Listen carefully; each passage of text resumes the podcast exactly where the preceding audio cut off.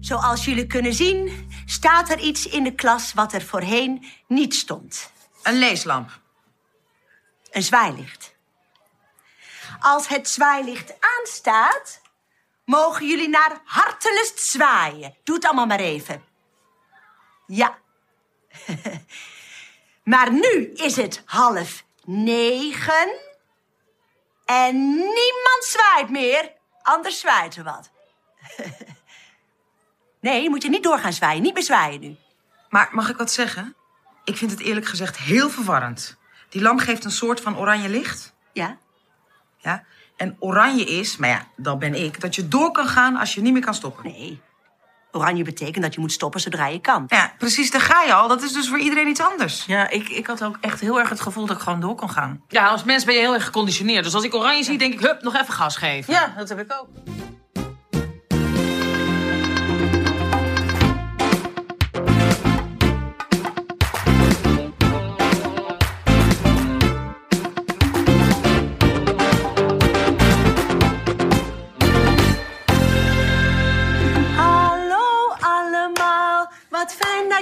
Er bent. Ben je voor het eerst hier of ben je al bekend? Stamp met je voeten, zet je handen in je zij. Ik ben Ank en wie ben jij? Welkom bij een speciale aflevering van Televisie, de podcast over Nederlandse televisieprogramma's. Ja, en als ik de introductie doe, dan, eh, dan weet je dat we het net even anders gaan doen dan je van ons gewend bent. En daarom moet ik het vandaag helaas stellen zonder mijn vaste compaan Michel Dodeman. Maar heb ik toch al meer dan uitstekende vervangers aan mijn zijde. Namelijk Sikko de Knecht. Welkom Sikko. Dank. En Sander de Volter. Hallo. Welkom Sander. Oftewel twee van de vier hosts van de Vierkante Oogshow. Het is eh, wat een luxe om met vier mensen een podcast te maken. Ja. Dat, eh, Ja. De popcultuurpodcast van dag en nacht. En de televisiepodcast van dag en nacht. het is één de tafel. ultieme crossover podcast. Jezus. Ja, en je hebt het waarschijnlijk al gezien in de beschrijving. Dus het is niet echt een spoiler. Maar we gaan het vandaag hebben over participatieavonden, zwaailichten, kanjertrainingen, glansmethoden, winterklaas, genocidehoeden. En natuurlijk vooral luizenmoeders. Yes. Ehm Sikko, Sander, voordat we echt gaan beginnen, wil ik eerst graag van jullie weten: met welk personage uit de luizenmoeder zouden jullie het langst opgesloten willen zitten in een klaslokaal? Goeie herder. Eh, nou, doe mij Volkert dan maar. Ik denk dat we, als we allebei niks zeggen, dat het best lang goed gaat. Dan blijft het gezellig. Dat Ja. denk ik wel. Ja, ik toch wel met, ja, met Anton. Met Anton. Ja, met Anton. Jij bent ook een Ja, maar beetje ik wil Anton, graag hè? glanzen. Ja. Nee, ik ben wel benieuwd wat, nu, wat hij nu echt van het onderwijs vindt. Want ik ben onderwijsmens. En dan ben, ik ben, hij zegt altijd maar halve dingen natuurlijk. Ja. Dus ik ben gewoon benieuwd, wat, wat vindt hij nou echt? Wat kan hij nou? Dus jij gaat gewoon een toekomstvisie voor het onderwijs van de komende jaren dan meteen schrijven met, met Anton. Nou ja, dat weet ik niet. Ja, dat zou wel een nuttige, nuttige bijeenkomst Tweede zijn. mammoet. Ik weet niet hoe goed deze... Ja, maar weet je wat het is? De mammoetwet gaat helemaal niet over het PO. Oh, dus dat is ook weer een foutje van de Ja, een schrijvers. foutje van de schrijvers. Ah. Ik heb zoveel inside eh, dingen en gezien. jij, eh, Alex? Eh, ik denk toch met Helma. Ik denk dat dat wel echt gezellig zou kunnen worden. Lekker, Lekker een, eh, roken. ja, ja, ik rook niet, maar ik denk dat ik na zo'n eh, na zo'n meeting met Helma wel echt eh, spontaan aan het roken ben. Ja, klaar. gewoon- Laten we hopen dat het raam open komt. Ja, we zeiden het net al eventjes. Jullie zijn natuurlijk de host van de Vierkante Oogshow. Waarin jullie eh, nou ja, alles wat aan popcultuur raakt eigenlijk bespreken. Van het Marvel-universum tot eh, Undercover. Ja. Ja, de luizenmoeder, daarvoor moesten jullie eigenlijk natuurlijk langs ons als de tv-autoriteiten binnen dag en nacht media. Ehm, Zeker. want we hebben het natuurlijk over de, een van de allergrootste tv-hits van het afgelopen decennium. Op het hoogtepunt liefst 5 miljoen kijkers, wat echt ongekend is voor een Nederlandse productie. En wij gaan het vandaag uitgebreid hebben over de serie en ook over de speelfilm die sinds een, eh, een maandje in de bioscoopzalen draait. En die wij alle drie gezien hebben. Mhm. Dus eh, veelbelovend volgens mij. Eh, nou ja, voor de, ik vermoed zeer weinige zielen die de serie niet kennen. De Luizenmoeder is een Nederlandse comedy-serie die in 2018 en 2019 werd uitgezonden op NPO 3. De serie speelt zich af op een basisschool waar doorgaans een enorme cacophonie aan opvallende types te vinden is. Denk aan de strenge, doch rechtvaardige Ank, gespeeld door Ilse Warringa, die de serie ook bedacht en schreef. Of de iets wat dommige, maar goed bedoelende schooldirecteur Anton, gespeeld door Diederik Emminger, die meeschreef en meerdere afleveringen regisseerde. En ja, onze inleiding in deze wonderenwereld krijgen we in de eerste aflevering van seizoen 1 door eh, Hanna, gespeeld door Jennifer Hofman, die eigenlijk eh, permanent in verbaasde modus verkeert om alle wonderlijke Ja, types om haar masker, ja, ja, dat is wel echt een klassieker geworden in de Nederlandse tv-kanon, volgens mij. Ehm, Ogen, jongen, als zo'n in de koplampen van een jeep. Ja, en zij is eigenlijk onze, onze gids in die wereld. Ehm Sikko, nou hoeveel afleveringen had jij door dat de Luizenmoeder een Nederlandse comedy-klassieker in de dop was? Nou, ik heb dus voor deze opname heb ik alles weer opnieuw gekeken. En ik kwam er dus ook achter dat ik de eerste vier of drie afleveringen helemaal nooit gezien had. Dus dat was een soort extra toetje, wat was verrukkelijk.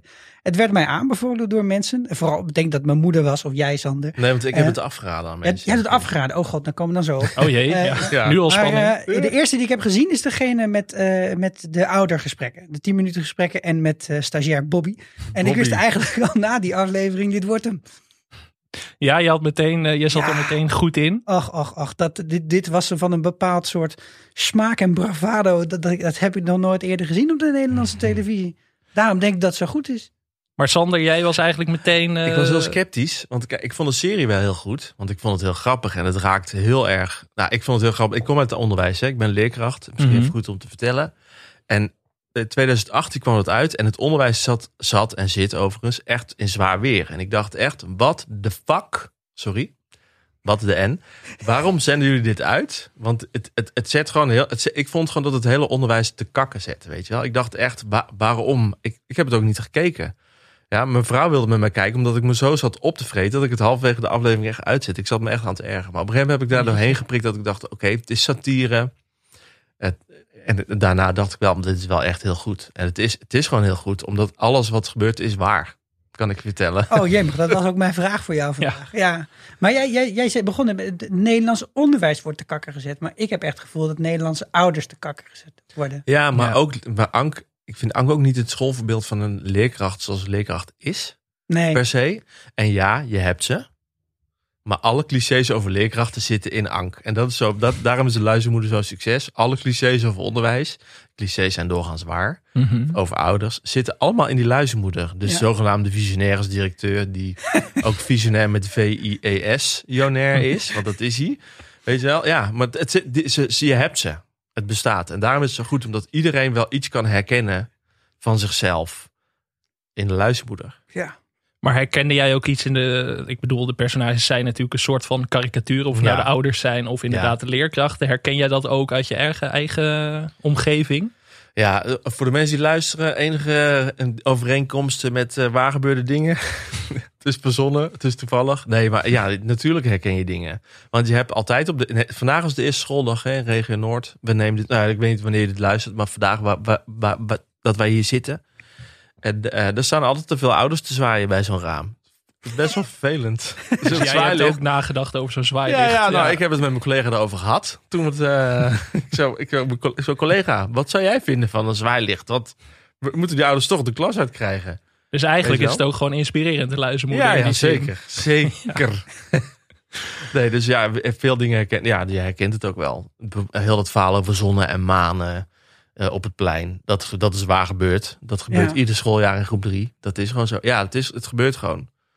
Ja, want ik, ik, bedoel, ik bedoel, ik heb geen kinderen, dus ik kan me niet herkennen in de ouders. Ik ben ook Nee. geen docent en geen leerling meer, dus ik zit er een beetje tussen. Maar toch had ik wel het idee dat het een vrij realistische schets was van hoe het eraan toe gaat op het schoolplein. En dat de situaties wel een beetje uit het leven gegrepen waren. Ik weet niet hoe dat voor jou was, Sikko. Nou, ik, heb ook, ik heb twee kinderen dan, maar de ene is een half en de andere is tweeënhalf. En ik Ja. kan ook wel verklappen dat zeg maar, je kinderen in corona voor het eerst naar een andere school brengen, of naar een andere opvang in mijn geval, is ook een hele andere ervaring. Je hebt ze vandaag gewoon geprobeerd te brengen. Ik heb het gewoon, ja, u heeft vrij vandaag meer. Maar wat, dat, dat is omdat er daardoor veel minder contact op dat schoolplein is. Dus ik ben ook heel benieuwd zeg maar, hoe, het, eh, hoe, hoe het er nu uitziet op een schoolplein. Ik woon wel aan een schoolplein. En dat heeft, hebben mijn collega's ook de hele dag te verduren. Als ze met mij zitten te skypen, zoomen, teams, inbellen. Weet ik al wat niet meer. Met een gegil op de achtergrond. Dus dat- nu dat is heel herkenbaar. Maar dit gelul over elkaar en over elkaars kinderen. Dat, dat gebeurt zelfs in, in mijn leeftijdscategorie al een beetje. Maar en dat is- dat wordt denk ik alleen maar nog veel erger. Maar dat is niet eh, voor scholen exclusief. Hè? Want ik bedoel, op iedere werkvloer wordt geroddeld. Overal waar je met Ja. mensen te maken hebt, gebeuren dit soort dingen waar mensen over elkaar praten. Dus ook op Ja. het schoolplein. Het gebeurt ook bij de zwemles. Maar denk je niet dat, ja, of s- bij- op het sportveld. er zit heel veel, zeg maar, de, de, de, in de psychologie heet het valency of zo. Er zit heel veel emotie en heel veel belang achter. En volgens mij komt dat dat het om kinderen gaat. Ja, Dus je zijn. Ja, het zijn wel mijn kinderen. Dus die mensen Mhm. zijn de hele tijd bezig met hun kinderen. En, en alles zeg maar helemaal afvangen wat er omheen gebeurt. En dat maakt het ook heel Niet emotioneel. rennen. Ja, er zit misschien een soort automatische onderhuidse agressie in of zo. Omdat het echt over jou, eh, Ja. jouw, jouw kringetje gaat, jouw Ja. kinderen. Dus Dus ja, dan- en eh, jouw kind krijgt niet een mooie surprise. Jouw kind mag geen dropjes. Jouw kind. En dat, nou ja, die grenzen gaan er heel ver in. Maar volgens mij is dat dus niet zo heel erg ver bezijden de waarheid. Maar ik neem dan ook maar aan van Sander. Als hij zegt dat alles uit deze serie klopt. Dat dat ook waar is. Nou ja, veel dingen bestaan echt. Ja. De participe pizza avond bijvoorbeeld. Dit is het. dit- Ja, ja, nee, dat, ja, ja. Oh mijn god, nee. maar hoe, hoe, hoe, ging dat in zijn werk dan? Nee, Ik ben ja, nee daar. dat is, op zich, Participe Pizza was een soort... eh, dat heet het pizza-sessies. En dat was van een of andere methodiek waar heel veel scholen in het, nou, nu nog steeds mee werken. En dan hebben ze pizza-sessies dat scholen van verschillende eh, stichtingen... als zijnde een punt van een pizza bij elkaar komen... om dan uit te wisselen over die manier van werken. En dat heet een pizza-sessie, maar dat is niet met de ouders. Dus Oh, het is ja, niet ja. een participe pizza, maar het komt, wel, het komt wel uit een bestaand iets. Dus dat is wel grappig. Lovely. Ja, ja je- ik kan me wel voorstellen dat je op een gegeven moment naar een soort situatie gaat waarin zeg maar, de luismoeder werkelijkheid de werkelijkheid wordt. Dus dat er nu ergens schoolbestuurders zijn die denken, ja, zo'n participatieavond. Misschien waarom moeten we niet? dat toch eens gaan invoeren. Ja, Jij misschien net ook met het zwaailicht. Ik bedoel, Jawel, Hij is, ik- hij is er dichtbij ja, ja. misschien heeft het toch een soort educatieve werking daarin. eh. Ja.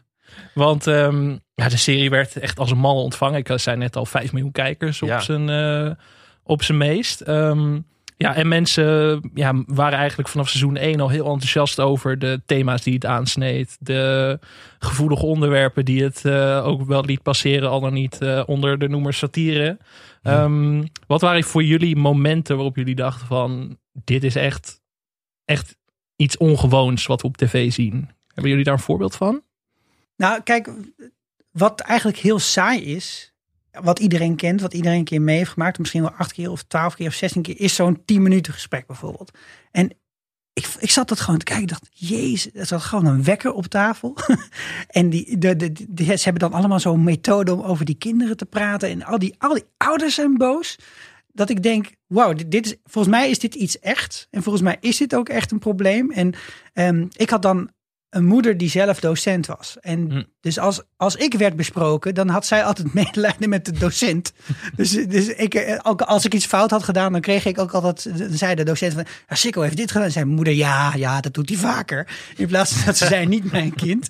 Maar dat, dat, juist dit, dit deel van het verhaal dacht ik, dat is, dat is echt fantastisch. Dat je dat in een Nederlandse comedy-serie zet, waarmee je dus eigenlijk daarmee weer ook wel weer bespreekbaar maakt. Maar het, ook, het is ook gewoon heel echt. En het, uiteindelijk baart deze serie je stiekem ook een beetje zorgen. Over van, ja, hallo, hoe leuk is het nou nog om in het onderwijs Ja. te werken met dit gezeikajaars de hele dag. Ja, dat was ook mijn boosheid in het begin, Ja, denk ik. Omdat het bestaat. En ja, ik kan niet anders zeggen. nee. Er is gewoon heel veel te doen. Er moet heel veel in een korte tijd. Er zijn veel te weinig leerkrachten. Eh, daarom vond ik de film, daar, ik bedoel, de serie was ik helemaal niet blij mee in het begin. Maar de film dacht ik, wow, dit is juist wat er nu aan de, wat er nu aan de hand is, heel erg uitvergroot in Ja. het onderwijs. Dus daar was ik heel blij om. Ja. Eh, ik, ik had het met eh, al die, eh, ja, en vooral Anton doet dat, maar Nancy ook wel. Eh, eh, ja, al die microagressies die erin zitten. Zo Ja. van eh, jullie, of, jullie dit, jullie dat. Nee, jullie zijn dat natuurlijk gewend. Of eh, weet je wel, dat hele ongemakkelijke als dan eh, een van die twee vaders, die, die, die wil dan ijsbeer worden. Oh ja. Nee, we gaan jullie niet wit sminken. En ja, ik vond dat aan de ene kant tenen komt, aan de andere kant heel goed. Dat, het, dat mensen het durven om dat soort dingen gewoon te doen op de tv. Dat, heb, dat, vind ik, dat vind ik ook aan promenade. Ik heb vorige week gehoord bij televisie dat het gevaarlijk is om het over te hebben. Ja, we hebben bij televisie ooit een aflevering opgenomen over promenade. En toen probeerden we promenade te duiden. En dat werd echt een heel surrealistisch gesprek. Dus uiteindelijk dachten we van, nou als dit de toon wordt, dan kunnen de podcast eigenlijk niet meer voortzetten. Dus die podcast heeft ook nooit het licht gezien. Maar Oh jee, maar wat jammer. Vandaar. ja, ja, hij ligt nog ergens op het archief. Dus misschien eh, Ja, heel veel vrienden van de show bonuscontent, bijkomen. eh, Dan, Ja, eh, ja, dan gaan we die nog wel extra releasen. content. Ja. Nee, maar, eh, maar wat zij goed doen, vind ik, en dat is bij de, bij de luistermoeder ook, is dat het eh, dingen die heel veel gebeuren eh, en waarvan heel veel mensen zeggen, ja, dat kan niet, maar dat ze het toch zeggen. Om, om je aan het denken te zetten. Ja. En dat vind ik goed. Ja, Jij, Alex? Ehm, ja, ik was vanaf het begin eigenlijk wel. eh, ik ben sowieso een groot fan van dit. Ja, in het begin zit het er een beetje in dat mockumentary-achtige. Ja. dat is een beetje. Dat is Ja, dat is losgelaten op een gegeven moment. Wat ik wel jammer vind. Want Nadat Helma nog een keer in, een, eh, in de Winterklaas aflevering voor een Ja. zit, heb ik het niet meer meegemaakt. nee, volgens mij is het daarna echt Ja. dat ze dacht van dit moeten we niet meer doen. Maar ik, ja, ik, ik hou heel erg van bijvoorbeeld series als The Office en eh, Modern Family heeft het ook heel erg. Modern Family inderdaad. Eh, iets, iets braver dan misschien nog. Maar de luister en gewoon die ongemakshumor die er heel erg in zit. Een beetje, het raakt een beetje aan Curb Your Enthusiasm en dat soort series. En die ongemakshumor, dat hadden ze meteen wel goed te pakken. En volgens mij is dat ook wel een beetje de invloed die eh Diederik Emmingen, natuurlijk ook de maak van Promenade, heeft uitgeoefend op het script. En dat... eh, Daardoor was ik eigenlijk, eh, voordat het echt een hype werd, dat moet je toch altijd even zeggen. Dat Ja, je niet, er. niet achter de, achter, de, achter, de, achter de fanfare aanhobbelt. Was ik eigenlijk wel echt te spreken over de serie. Maar dat is niet per se. Eigenlijk, na die eerste, een van de eerste scènes waarin Diederik Emming inderdaad in zo'n mockumentary setting aan het eh, praten is over. eh, Met zijn handgebaren. ja, met zijn handgebaren inderdaad. Toen was ik eigenlijk al in. Toen was ik al verkocht. Wat vind je dan van het tweede seizoen? Want daar zit het helemaal niet meer in. De Nee. film, en in de film ook niet. Nee, nee, en dat is ook wel de serieuzere ondertoon die langzaam ook een beetje, waar we het net over hadden, Ja. over de zorgelijke staat van het onderwijs, die vooral in de film heel erg naar voren komt. Ja. Ehm, ja, ik vond het wel, ik, wat ik net zei, ik vond het jammer dat dat mockumentary-achtige niet is doorgezet. Volgens mij had het dat nog leuker kunnen maken als zeg maar, de personages ook terugblikken op hun eigen acties of acties van anderen. Volgens mij had dat heel erg leuk kunnen Ja, werken.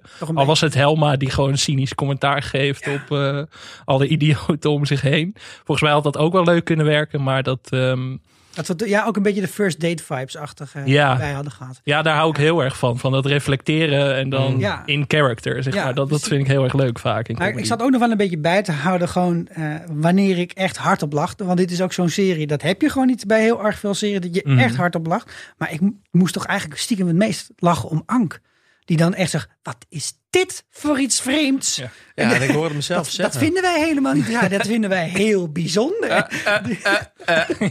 Tegen die ouders. De ouders en kinderen Ja. zijn voor Ank gewoon exact Ja. hetzelfde. De, de, hoe ze Nou, de kinderen steeds... staan volgens mij op Ja. een hoger niveau dan de ouders. Volgens mij behandelen ze die volwassener dan de, Ja, ja, Ja, dan maar de soms moet je ouders ook echt op. Ja, soms, dat, soms moet je ouders ook echt maar opvoeden. Ik heb ze ook voor mijn neus zeggen dat gehad. ze, dat ze sorry moeten zeggen tegen elkaar. Dat, ze, dat gebeurt ook Nee, dat, dat, dat heb ik niet meegemaakt. Maar Maar hoe Ik- spreek jij ouders dan eh, geregeld aan? Is dat ook, doe Nou je dat ja. op een andere toon dan bijvoorbeeld als je, als je ons nu aanspreekt? nee, ik spreek. eh, ik ben een uitzondering. Denk, nee, dat weet ik eigenlijk niet. Maar ik, Ank die praat heel erg kinderlijk tegen iedereen.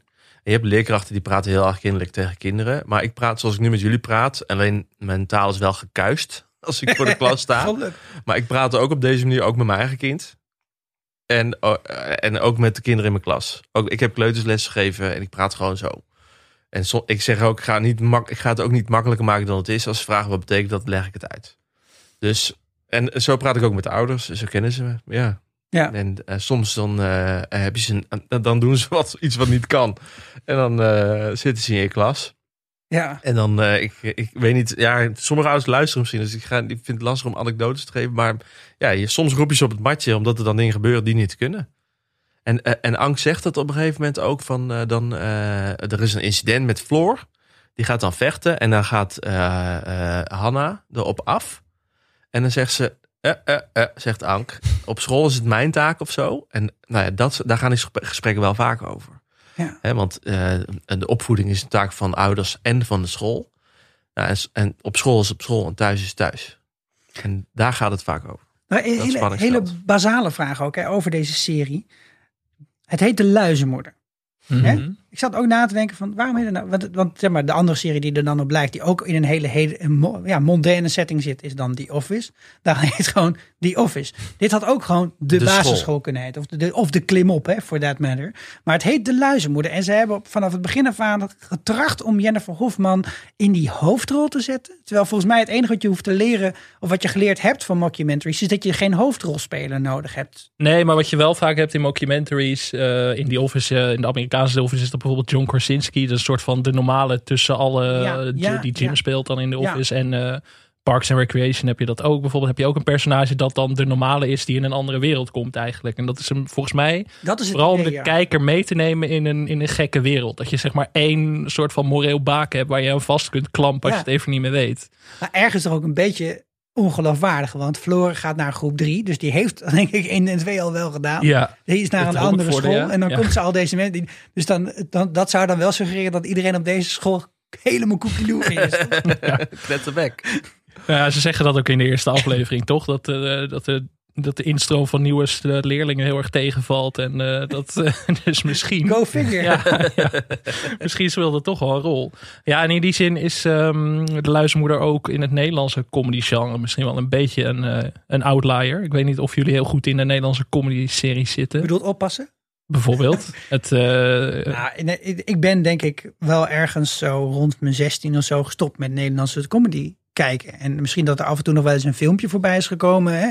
En Alles is liefde. Of ik zag eh, vorige week iets met Elise Schaap over... eh, ik weet niet eens wat het over ging. Jawel, maar met een of andere hele rijke lul. Maar Ja. nou, advocaat. Maar nee, ik, ik mijd dat eigenlijk een beetje. Mag ik dat, mag ik dat zeggen in ik deze wat- podcast? ja hoor, dat, Oké. dat- ik, ik sta je Ja, toe. maar Ik, ja. ik zit te denken, wat er nu uitgezonden wordt, weet ik niet. Zou ik niet weten. Maar het schaap heb ik wel. Dat is ook wel Nederlandse comedy, denk Ja, ik. Dat heb, ja. ik va- heb ik veel gekeken. Retro comedy. Retro comedy. Dat vond ik wel leuk ehm, over. Gelukkig, Eh, want dat is een van mijn favorieten. Anders was ik nu ook wel opgestaan en eh, weggelopen. Dan was het klaar geweest. heel leuk. Had, dat, had deze aflevering op diezelfde plank gelegen als die Dan was het halverwege toch een vierkante ogenshow eh, aflevering geworden. Ja.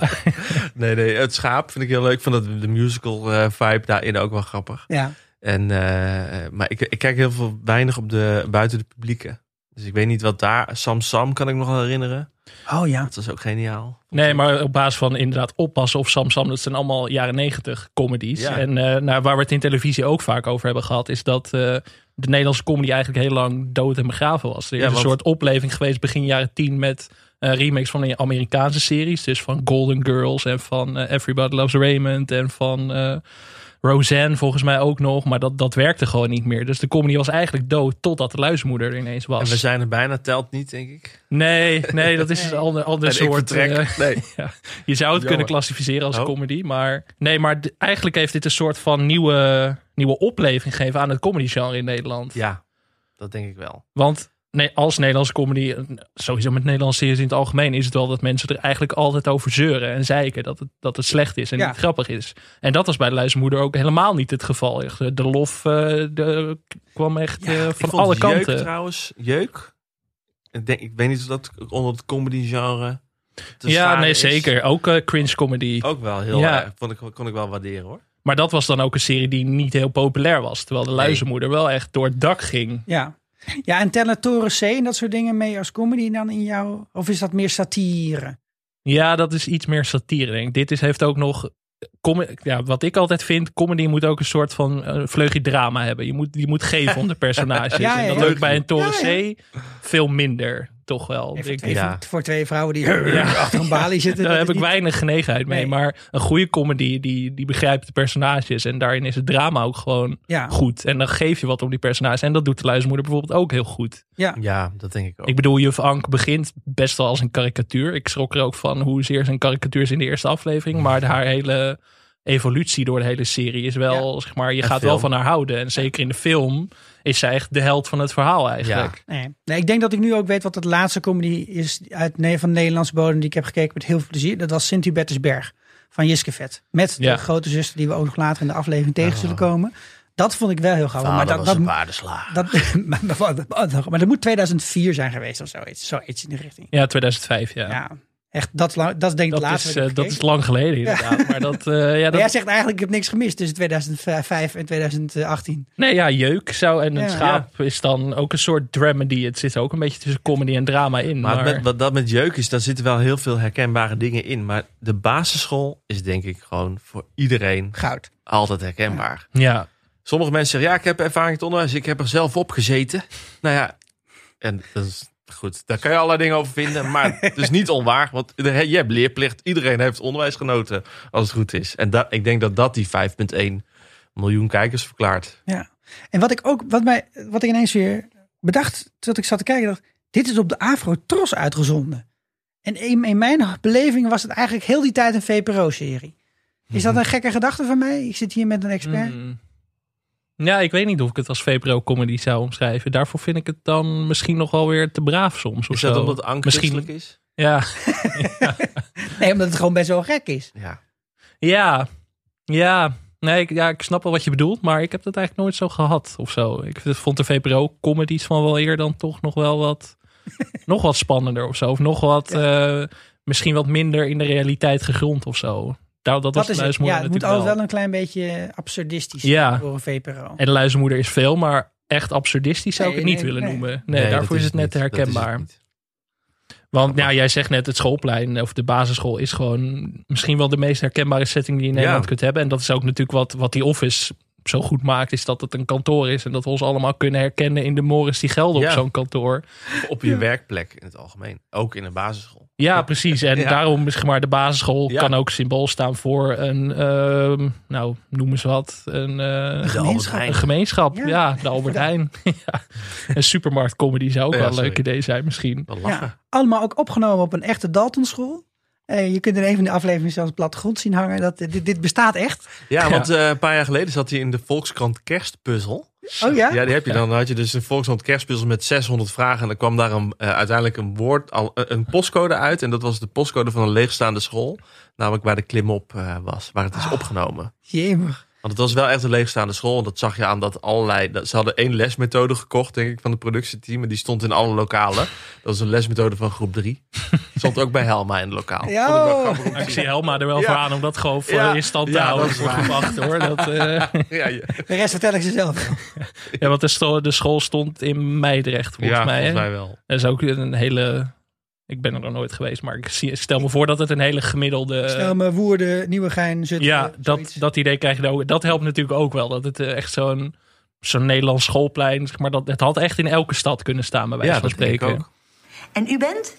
Walter. Een van de twee adoptievaders. Klopt. Want Rianne heeft geen moeder, maar twee vaders, lees ik. Ja. Geeft toch niks?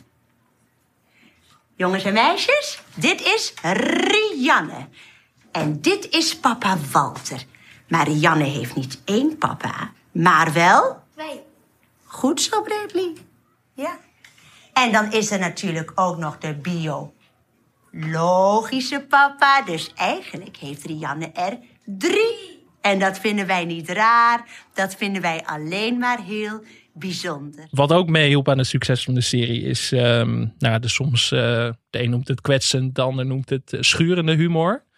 Ehm, hoe kijken jullie aan tegen de, de grappen die in de Luismoeder soms werden gemaakt en die soms op het randje zaten, misschien wel eroverheen gingen? Was dat überhaupt aan de orde volgens jullie?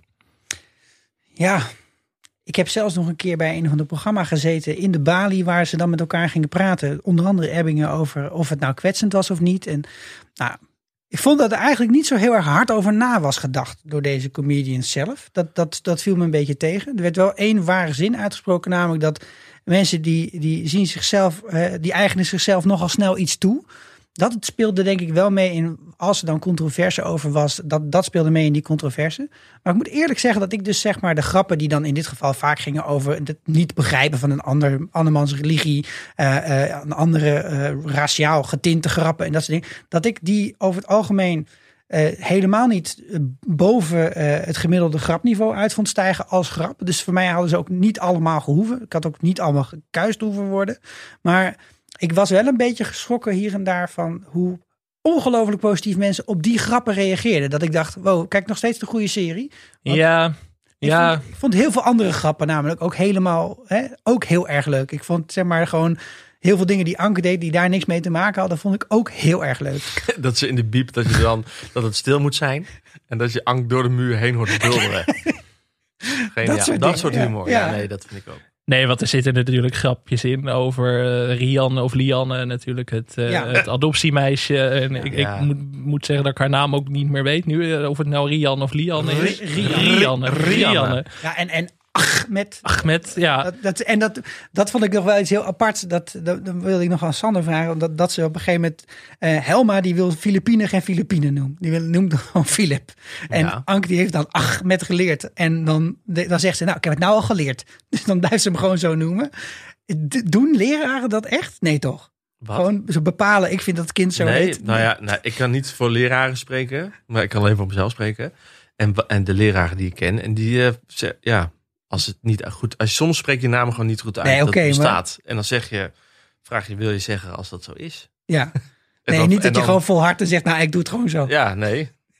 nee, dat zeg je niet. Dat, Alek. Is het Alek. Alek? Nee, maar dat had ik bedacht, Alek. Nee, natuurlijk blijf je niet in hangen.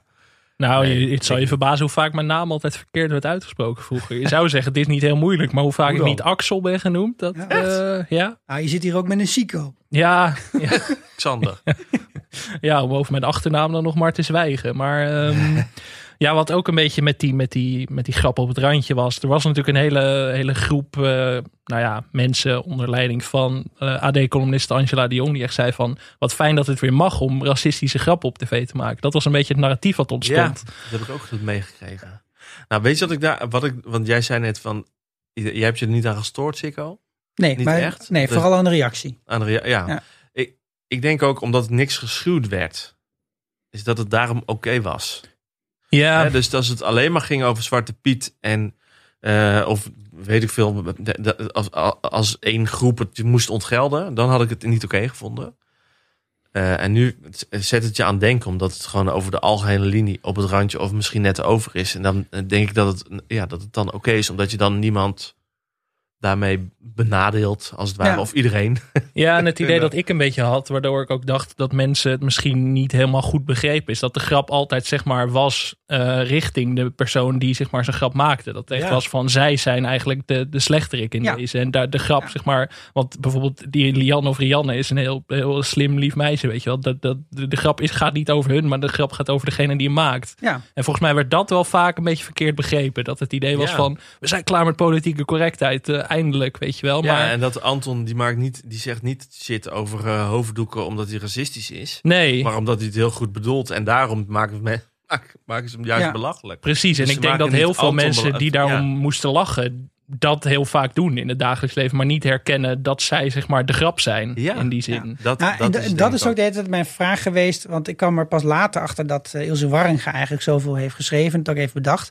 Eh, maar ik vermoed toch wel dat dit, juist dit randje heel erg van Ebbingen komt. Omdat bij de Vliegende Panthers deden ze dat eigenlijk ook al. Met, met nummers zoals het Blanke Rassen Superieur. Waar uiteindelijk dan de grap is van hé, maar die, Ja, hè, wij zijn dus helemaal niet tolerant. Wij, wij vinden ons alleen geweldig, om, onszelf geweldig omdat we tolerant zeggen te zijn. En ze hebben ook, we worden bedreigd door de moslim met zo'n fanfare door een Volendam of zo. En, en waarin ze ook evident niet begrijpen eh, wie dan moslims zijn. Dat is echt heel erg de humor van Diederik Ebbingen. Die dat wel als een soort ontluchting ziet. Of een soort, dat, dat Angela de Jong gevoel. Mhm. Maar volgens mij is zijn, zijn antipathie en de Angela de Jong gong is ook heel erg gestoeld op het feit dat hij op deze manier verkeerd begrepen wordt. Maar misschien vul ik te veel in voor Diederik en moet hij dat zelf vertellen. Maar dat, dat gevoel komt een beetje in mij op. Maar ik vond dus in de film voor een heel groot gedeelte dat niet terugkomen. In een klein gedeelte wel. ja. En daardoor dacht ik, is dit nou Diederik of is het nou Iels? Ja, daar moeten we het straks maar even over gaan hebben als we het Ja. over de film gaan hebben. Want daar heb ik inderdaad ook nog wel wat puntjes over. Maar inderdaad, om het nog heel eventjes eh, niet te lang natuurlijk over Angela de Jong te hebben. Zij zei ook van, eh, zou het een teken zijn dat we genoeg hebben van de verregaande vertrutting en opgelegde correctheid door een elitair smal deel van ons land. En dat is een beetje eh, waar het ook schuurt. Want dat was ook wel weer grappig, want volgens mij zowel de critici, de elitaire grachtengordel critici, om het maar even over een te scheren, was heel erg te spreken over de serie. En gewoon dus Ja. de massa, wat ook wel vrij bijzonder is. En het is, het- dit- zo'n on- zo'n uitspraak is ook gewoon onzin, omdat die alleen gebaseerd is op dit ja, etnisch-raciale gedeelte van alle grappen. Maar juist ook dat Karel is de vereenzelviging van de bakfietsvader. Ja, En dat hij het over het onderkantje en een spiegeltje en dat soort dingen heeft. En dat, ja. soort, hè, en dat soort bullshit. Dat zijn ook allemaal grappen die ook allemaal veel te gevoelig liggen voor allerlei mensen. Die zitten er ook allemaal in. Dus dat, Ja. dat, dat maakt zeg maar het punt van Sander wel en van jou wel af. Ja, het, het- niets wordt geschuwd. Nee, het hele spectrum komt aan bod. Ja, Alle ouders van kinderen worden belachelijk gemaakt. ja. en hoe? ja. En hoe? En, en, en niet alleen op, op ras, om het zo maar te zeggen. Maar over de hele breedte, over alles wat ze doen. Ja, wat ook bijvoorbeeld met die, met die, eh, met die moslimouders ook zo is. Die, die Ja. blijken uiteindelijk hele slim, misschien wel de slimste ouders en de meest normale ouders te zijn. Zeg maar. dat, dat, dat zit er gewoon de hele tijd in. En dat, dat komt ook vaker terug. Hebben jullie zelf eigenlijk een moment gehad in de serie eh, dat jullie dachten van oei, zo ben ik ook. Zeg maar, Ah. hier ben ik een juf Ank of hier ben ik een, eh, een eh, Anton. Ja, maar ik ben leerkracht. Ja, dus ik, nee, ik, ik, als Anke zegt heel vaak... Eh, eh, eh, eh. En toen dacht ik, ik zeg dat soms ook wel vaak. Eh, eh, eh, eh, dit, eh, dit, wat is hier nu weer aan de hand, jongens? En ik hoorde mezelf zeggen. En heb je daardoor ook aangepast dat je denkt van Nee, is misschien zich- toch wel... Ja, nou ja, aan de ene kant niet, aan de andere kant wel. Want eh, het hoort gewoon bij je repertoire. En als dat zo is, is het zo. Ja, Ja. Ik schaam me er ook niet voor. Ik, Ja. Wat, wat mij op is gaan vallen is dat je denkt ook heel veel bij Hanna of bij anderen van waarom zeg je nou niks terug? Weet je wel, dan wordt er iets echt ludicrous tegen je gezegd. Waarom zeg je nou niet gewoon iets terug? En dan merk ik toch, als ik dan zelf ook hè, dan op zo'n schoolplein sta, of hè, dat wij hebben dan een schoolplein voor de deur met allemaal ouders, zeggen er ook wel eens mensen dingen tegen mij dat ik later gewoon, dan zit ik op de wc, denk ik, wat zei die nou eigenlijk? What the fuck? De volgende keer moet ik er wat van zeggen. Terwijl ik volgens mij niet, zeg maar niet de minst adremme persoon eh, op het schoolplein nee, ben. maar maar- om nou weer op het schoolplein te gaan staan scheiden is ook zo. Ja, maar het is inderdaad wel. Je denkt er achteraf van, oh, daar had ik wat van moeten zeggen. Maar het is Ja. ooit in het moment Ja, zelf ga je een beetje nee, meepraten, een beetje de lafjes meepraten. Dat is ook. maar dat gebeurt ook met oude gesprekken en met dingen voor de klas die je zegt. En eh, dat is denk ik gewoon onderdeel van het mens zijn. En je, ook van je beroep dus. Dat je af en toe denkt aan deze meeting. Had Ja. ik misschien ook wel dit eh, veel anders kunnen zeggen. Of ik had daar anders op kunnen reageren. En dat heb je ook met. Dat gebeurt ook in contact met leerlingen of met ouders. Dat je achteraf denkt, dit was niet handig. Of eh, nou, ja. dat bestaat. Ja, Maar jij vraagt eigenlijk nog iets wat iets dieper gaat natuurlijk. Jij, jij vraagt eigenlijk, heb je die serie zitten kijken en dat een grap jou overviel omdat jij hem ook niet aan zag komen en dat het iets blootlegt over jouw vooroordeel? Nou, bijvoorbeeld, zeg maar niet zo extreem als inderdaad van. Nee. van eh, of, eh, of Rianne of Lianne de taal spreekt, bijvoorbeeld. Maar Ja. wel dat soort kleine voorbeeldjes misschien. Ja, ik had het eh, misschien wel heel, de hele tijd met Volkert. Omdat hij wordt geïntroduceerd als iemand die op elk moment eh, zeg maar eh, drie kinderen door de muur kan gooien. dat dat, dat ik ook een aantal keren dacht van wat, wat gaat er nu gebeuren zeg maar. Dat ik ook steeds dacht gaat, er nu, gaat hij nu ontploffen, gaat hij nu ontploffen. En dat deed hij gewoon helemaal nooit. Maar hoe zou jij daar als ouder op reageren als een Volkert, zeg maar, jullie school later? dat is natuurlijk lastig omdat jouw kinderen nog niet echt op de basisschool zitten. Maar Nee, nou ja, ik, ik wil dus heel graag dat het, dat, dat me niks zou doen.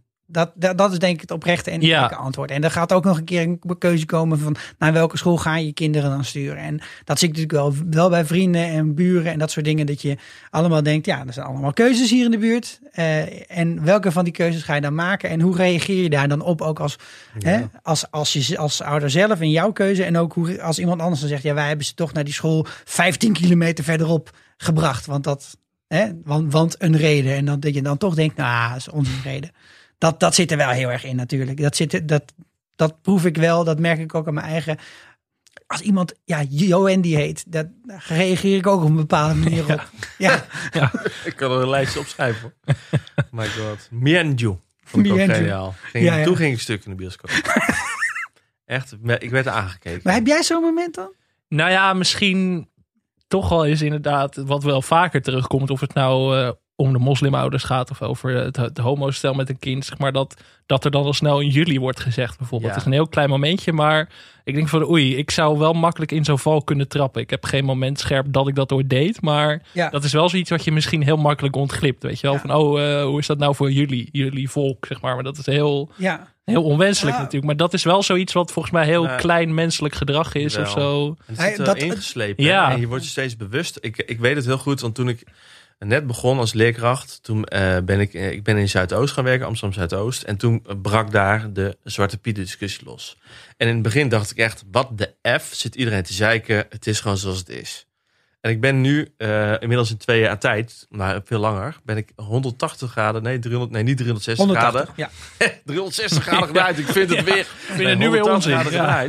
En ik ben, ik, ben, ik ben daar helemaal in van mening veranderd. Wat ik gezien heb, wat het doet op een school, wat het doet met kinderen, wat het doet met volwassenen. Eh, en ik denk dat ik in het begin ook dingen heb gezegd, zoals jullie dit of jullie dat. En totaal niet eh, omdat ik vond dat jullie dat moesten vinden. Of dat het om, om iedereen over kam te scheren, omdat, het, omdat je dat gewoon makkelijk zegt.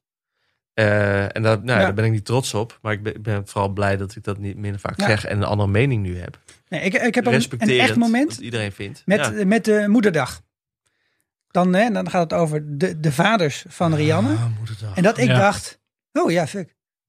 Ja, Helemaal niet meer stilgestaan. Ja, tuurlijk krijg je dan geen cadeau. En, dat Anke, dat Anke heeft een hele pragmatische reden ook. Die dacht, ja, dan moet ik twee keer zoveel dingen maken met vaderdag. Dat is gaat het wel. Helemaal nergens over. Maar toen, toen was ik ook wel even in de war. Toen had ik ook mijn proxies. eh, Moederdag en Vaderdag moeten afgeschaft worden. Weet je hoeveel genderbevestigende shit kinderen moeten knutselen op scholen? Ik, echt jongen, breek me de bek niet open. Ik word nu dit door heet. Hitler, hè? Moederdag. Waarschijnlijk. Is, is het zo? Dat ik. Ik, ik zeg dat al jaren tegen mijn vrouw, zodat ik dat in ieder geval niet, allemaal niet hoef te maken, al die shit. Ja, Ga ik wel inhouden. Als mijn moeder weer een teleurgesteld appje stuurt van weer geen bloemen gehad dit jaar, dan zeg ik van ja, maar Hitler heeft het bedacht. Gewoon even Wikipedia, ook. luisteraar. Ja, oh, nee, ik ga, er niet, ik ga niet over beginnen. Want dan zit ik een kwartier nog, over een kwartier nog steeds te raaskallen. Ah, je mag wel even zo- leeglopen hier over moederdag Ik vind, hoor. het- Dat, vind het eh, echt Alles kan geknipt Er worden. worden Ja. zoveel genderbevestigende shit worden gemaakt. Ik heb het zelf ook ervaren. Ik heb met eh, Vaderdag heb ik een hamer gekregen voor mijn zoon. En dan denk ik, waarom, wa- mijn vrouw kan beter timmeren. In, wij hebben heel ons huis geklust. En mijn vrouw die kan dat shit beter dan ik. Echt waar. ik heb alleen maar van de grove... eh, ik doe het... Nou goed, maakt dan niet uit. Ja. Maar dan krijg ik een hamer. Waarom? Omdat je een man bent. En het gebeurt... Ik vind het zo irritant dat, Ja. dat, het, dat het moet. Ik vind het ook irritant dat het van scholen verwacht wordt dat je het maakt. Want het dient het onderwijs geen enkel doel. En je zit wel 60 hamers te beschilderen. Ja. Omdat men vindt dat je een hamer moet en maken. jij Dat is leuk voor vaderdag. Hamer beschilderen. Het enige wat, het. ik me kan herinneren, wat ik ooit voor mijn moeder heb gemaakt. Een asbak. ja, toen, toen het nog mocht. dat is ook wel echt zo'n cliché iets om te maken. Hè? Ja. Dat, dat heb ik vroeger ook wel eens gedaan. Platte schaal, platte schaal. Ja. Zet jij bij, zet je bij Helma in de klas? Ja, Helma had al die asbakken zelf nodig waarschijnlijk. Die heeft gewoon elk jaar een hele nieuwe collectie. Ik had zo'n leraar scheikunde. Hè, die zat of zelf filterhulsen te vullen achter zijn bureau. Met zo'n klikapparaat. Ja, en als hij niet achter zijn bureau zat met scheikunde, zat hij in de zuurkast te roken. Ja, ik vroeg me dat wel af bij het kijken ook naar de scènes van Helma. Gewoon, die rookt natuurlijk als een ketter. Ja. Maar ik denk dat als een docent nu uit het raam zou te staan roken, dat je meteen echt een opstand hebt. eh, een denk volksopstand ontketend onder de ik, ouders. ik heb in mijn stage, dat was tien jaar geleden, toen eh, ging ik op plein leerkracht zitten roken. Dat ik dacht, wow, dat is toch al, dat is toch jaren negentig. dat is gecanceld. ja, Ja, dat is gecanceld. Maar het gebeurt kennelijk. Ja, ik denk in scholen niet hoor. Nee, dat, dat, dat, is misschien nog wel het meest ongeloofwaardige Ik aspect. weet wel, dat waar ik gewerkt heb, was eh, op één school, rook, maar dat was een hele kleine school, daar rookte niemand van mijn collega's. Eén iemand alleen als hij dronken was. Ik noem geen namen. en op die andere school was er ook één iemand die rookte alleen als hij dronken was. En eh, was daar uit het zicht was, het, eh, was de regel. Dus er was er een, eh, ja, zo'n rookkast ding, weet ik veel. Was er nooit. Ik was er nooit. Maar dan Moest je je uit ergens het, achter zicht het van, klimrek gaan uit het zicht van de leerlingen moest je, mocht je roken. Oké. En buiten schooltijd. Nou. Ja, want anders geef je natuurlijk het verkeerde voorbeeld ook. Ja. Dat, kan- dat kan natuurlijk Jongens, de juf gaat even paffen. Dat zou ook wel weer leuk zijn. Ehm, ja, we hadden het al eventjes over Helma. Misschien is het goed om het even over de verschillende personages te gaan Ja. hebben. Eh, wie is jullie favoriet? Nancy. Iedereen de klas uitbrand. Ja, je hebt nou niet bepaald een voorleesstem. Homo's zijn veel minder gewelddadig dan van die macho hetero's. Iets tussen hemel en aarde. Een soort oerkracht die je dan voelt. Ken je dat niet? Nee. Laat het even van je afglijden, meis. Niet. Is dit het nou? Niet te veel verwacht, wordt alleen maar teleurgesteld aan. Ja, maar er moet toch meer zijn? Nee. Het gaat niet om de bestemming, An. Het gaat om de reis in zichzelf. Maar ik Ja. mag Nens zeggen. Ja. En eh, wat mij betreft, eh, nou, zij, is, zij is de katalysator van deze serie, denk ik. Ik denk dat juf Ank en Anton en eh, misschien een of twee van de ouders echt belangrijke soort van goalposts zijn. Maar die, de, alles moet over de middenstip van Nancy. En, en de grap aan haar is dat ze helemaal geen iota met die school te maken heeft. Nee, ja, kinderen zijn van school gegaan in de kinderen eerste zijn- aflevering. Ja, Ja, ze heeft en- Anton gedopt in het fietshok. Precies, ze- er is van- gedopt in het fietsenhok. Van de en, prequel. en, er is en- een soort omgekeerde MeToo of zo. Dat Nancy Ja, daar gewoon haar positie aan over heeft Die, gehouden. die dwingt dat af. Ja. En, en zij is, wat dat is ook helemaal in het begin wordt dat duidelijk. Ik wist nooit wie zij, ik wist nooit precies wie zij was, omdat ik die eerste aflevering nooit gezien had. Maar zij is dus eh, de voorzitter van de oude raad. En ze legt dat ook uit. eh, luizenmoeder, voorleesmoeder. Oude, leraren, oude, oudere leraar of zo, klasse, klasseleraar. En dan op een gegeven moment medezeggenschap, wat Karel nog Mhm. het hoogste orgaan noemt. Is dus niet waar, want daarboven is het ook nog de oude raad. De oude raad. En daar zit zij dan in. Ik kan niet peilen in godsnaam hoe je 's ochtends voor je klerenkast staat en zo'n tenue uitkiest. En ook zo mode, echt zo rolvast dat gewoon twee seizoenen lang jurken over broeken, over t-shirts. Ik, dit vol, ik volg het voor geen meter. En zij, ik, zij, dus zij is eigenlijk geen echt karakter. Want ze ontwikkelt zich gewoon helemaal niet. Nou ja, ze is in zekere zin een beetje de antagonist van het hele verhaal, toch? Een beetje de, Nee. de, de femme fatale, om het zo te zeggen. Zeker in de film is ze dat heel erg. Ja, Ja. maar ze, ja, ze maakt zo in de ongelooflijk film veel vind ik kapot. dat dus wel ontwikkelen. Ja? Ja, maar omdat ze dus dingen doet tegen Ank, voornamelijk, die niet in het voordeel zijn van kinderen. Nee, Dat, dat past helemaal niet bij haar. Dus ik denk dat ze daarom daar, dat ze in de film wel ontwikkeling doormaakt, maar in de serie inderdaad totaal niet. Nee. Ja, ze weekt zich wat los van Anton, maar in de film lijkt zich wat los te weken van Anton, maar in de film blijkt dat het Ja. nou, totaal niet eh, zo is. En- Hens en- de begrafenistoespraak, de eulogie. Nou, en, en ik vind het knap dat, dat ze, eh, Bianca Krijgsman, eh, zij speelt het eh, van Plien en Bianca. Daar kom ik toch, oh ja, dat is logisch. Ehm nou, ja, laat maar. Maar, zij, zij, ja, maar je hebt wel eens dat mensen zeggen met, met een uitgestreken gezicht. Maar het gekke is, zij heeft geen uitgestreken gezicht. Zij heeft alles behalve een uitgestreken gezicht. Maar toch doet en zegt zij dingen met een uitgestreken gezicht. En dat vind ik zo knap aan hoe ze dat acteert. Ja. Dat ik Ja. echt af en toe denk van... hoe in godsnaam krijg je dit over je lippen? En, eh, en waarom dacht je dat dit een goed idee was? En helemaal hiërarchie geil of zoiets. Of, of Anton geil. Of dat combineert lekker bij haar. Al- zeg maar, eigenlijk haat ik haar. In alle mijn vezels. Maar Ja. ze is daarom fantastisch voor deze serie. Ja, dat viel me bij het herkijken ook op, zeg maar, hoe goed zij dat doet, zeg maar. Want ze is eigenlijk, ze ziet er heel Ja, lief en aandoenlijk en schattig uit. Maar inderdaad, wat ze zegt, je, je kan niet anders dan een enorme hekel aan haar krijgen. En haar echt hardgrondig gaan haten. Maar Ja. daardoor ga je ook voor haar, eh, hoe zeg je dat, root. Ja. Maar je, je gaat toch, je Als- hoopt als toch mensen- stiekem dat, jij, dat ze wint, weet Ja, je wel. Als Dat ze ze- binnenkomt dan denk ik, nou, dit wordt wel leuk. ja, meteen met al die passief-agressieve opmerkingen de hele tijd. En dat is echt, dat, dat doet ze echt Ja, meesterlijk. Ja. uit zo'n emotie altijd. Dat je denkt, oh, maar kan dat gewoon... Het gaat gewoon over of het witte puntjes of bruine puntjes zijn. Mag het nou eens een keer niet zo geladen wezen? En dat, ja, en dat ze haar dan belachelijk maken. 200 zakken. nee, ik, ik, ik ben het helemaal mee eens. En ja, het is ook herkenbaar. Het, blijft, het is een beetje een eentonig verhaal wat ik heb. Het is ook herkenbaar. Want je, je hebt altijd dit soort discussies. Op Maar heb je ook dit soort mensen? Ja, maar Sikko, in jouw werkveld heb je dit soort mensen. Ja, maar ze hoort daar toch niet eens te zijn? Ehm, Waarom is zij daar? Ja, omdat Dat- dat is sommige ook- Scholen, nee, maar sommige mensen dragen de school een warm hart toe. Dat heet vrijwilligerswerk. Maar Ja. dat is vaak ook omdat ze daarbuiten waarschijnlijk geen, niet echt een leven hebben. Ja, dat, dat kan natuurlijk ik ook. weet niet, ik, ik heb geen, ik, ik heb in mijn eh, werkende leven geen voorbeeld van iemand die dit deed. Behalve opa's en oma's die dachten ook, ik vind het leuk om nog af en Ik heb ook te wel eens bij een studievereniging gezeten... dat er iemand in een raad van advies zat dat ik dacht... My god, ga gewoon verder met je leven of zo. Weet je wel? Da- da- daar doet het mij dan wel aan denken. Ja, Ja, en Nancy is eigenlijk een, eh, een soort jonge boomer of zo... die geen afscheid kan nemen van, eh, van waar ze enige invloed op kan uitoefenen in het leven waarschijnlijk. Ja. En dat Ja, zit er heel ik erg denk in. Dat, dat, dat, dat is de macht van de bibliothecares. Ja. Je hebt één centimeter macht en je gaat Ja. maximaal... Maar is Nancy ook jouw favoriet dan? Of heb je een andere favoriet Ik gekozen? zit toch wat meer in de leerkrachtenhoek, denk ik. En Kan niet anders Helma, ja. Helma is te makkelijk. Nee, Ank. Basisvertrouwen. Dat is wat hier ontbreekt. Vertrouwen in een goede afloop. In elkaar. In dat het goed is zoals het is. En daarom wil je hier weg. Ik moet hier enkel nog dealen met ouders die hun kinderen inzetten om een bodemloze bestaan te rechtvaardigen. Allemaal wonderkindertjes die vooral niet mogen falen. Omdat er geen enkel besef meer is dat we deel uitmaken van een groter geheel. Dat we gedragen worden door elkaar. Zodat iedereen zich geborgen en gesteund kan voelen. Ook als je faalt of mislukt of niet de grootste waffel hebt. Dan hebben we onze sprookjesjuf weer. En wat ga jij dan eigenlijk doen als ik vragen mag? CEO van de woningbouwvereniging. CEO. Chief Executive Officer.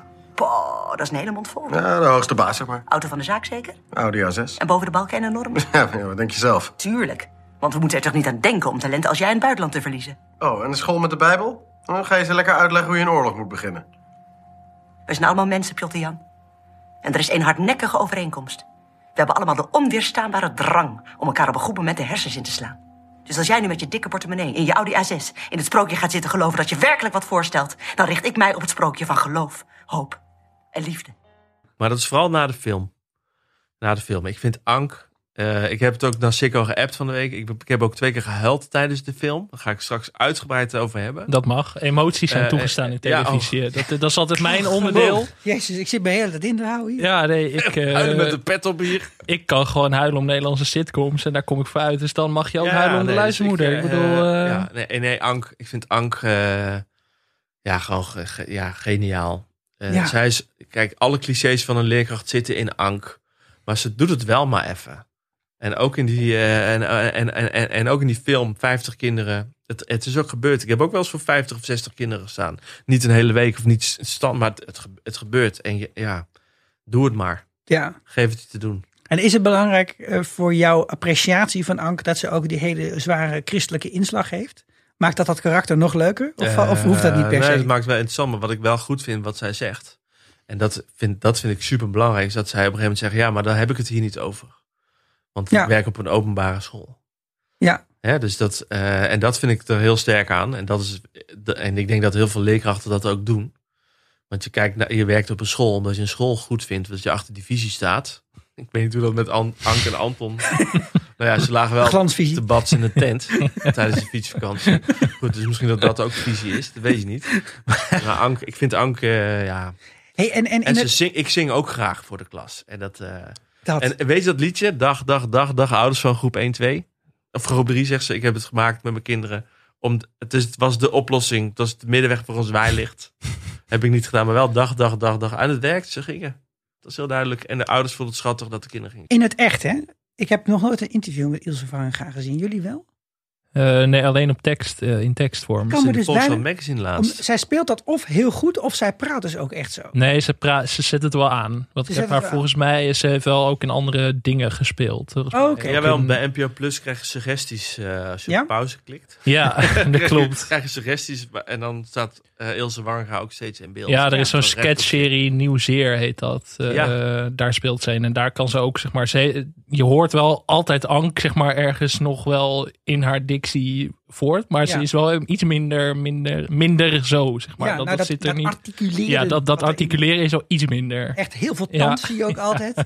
Nee, dat is volgens mij, ik weet niet hoe het met haar tanden zit. Ik bedoel, daar, daar heb ik nooit op gelet. Maar het is wel, eh, ze is wel iets, eh, iets meer rustig. Iets rustiger volgens mij in het echt. Ja. Niet, niet heel extreem.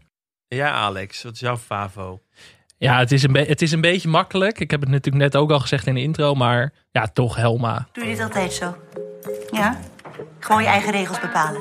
Ja, geen beleid is ook beleid. Ja, sodemiet erop zeg. Pak zelf maar. Je hebt toch geen polio?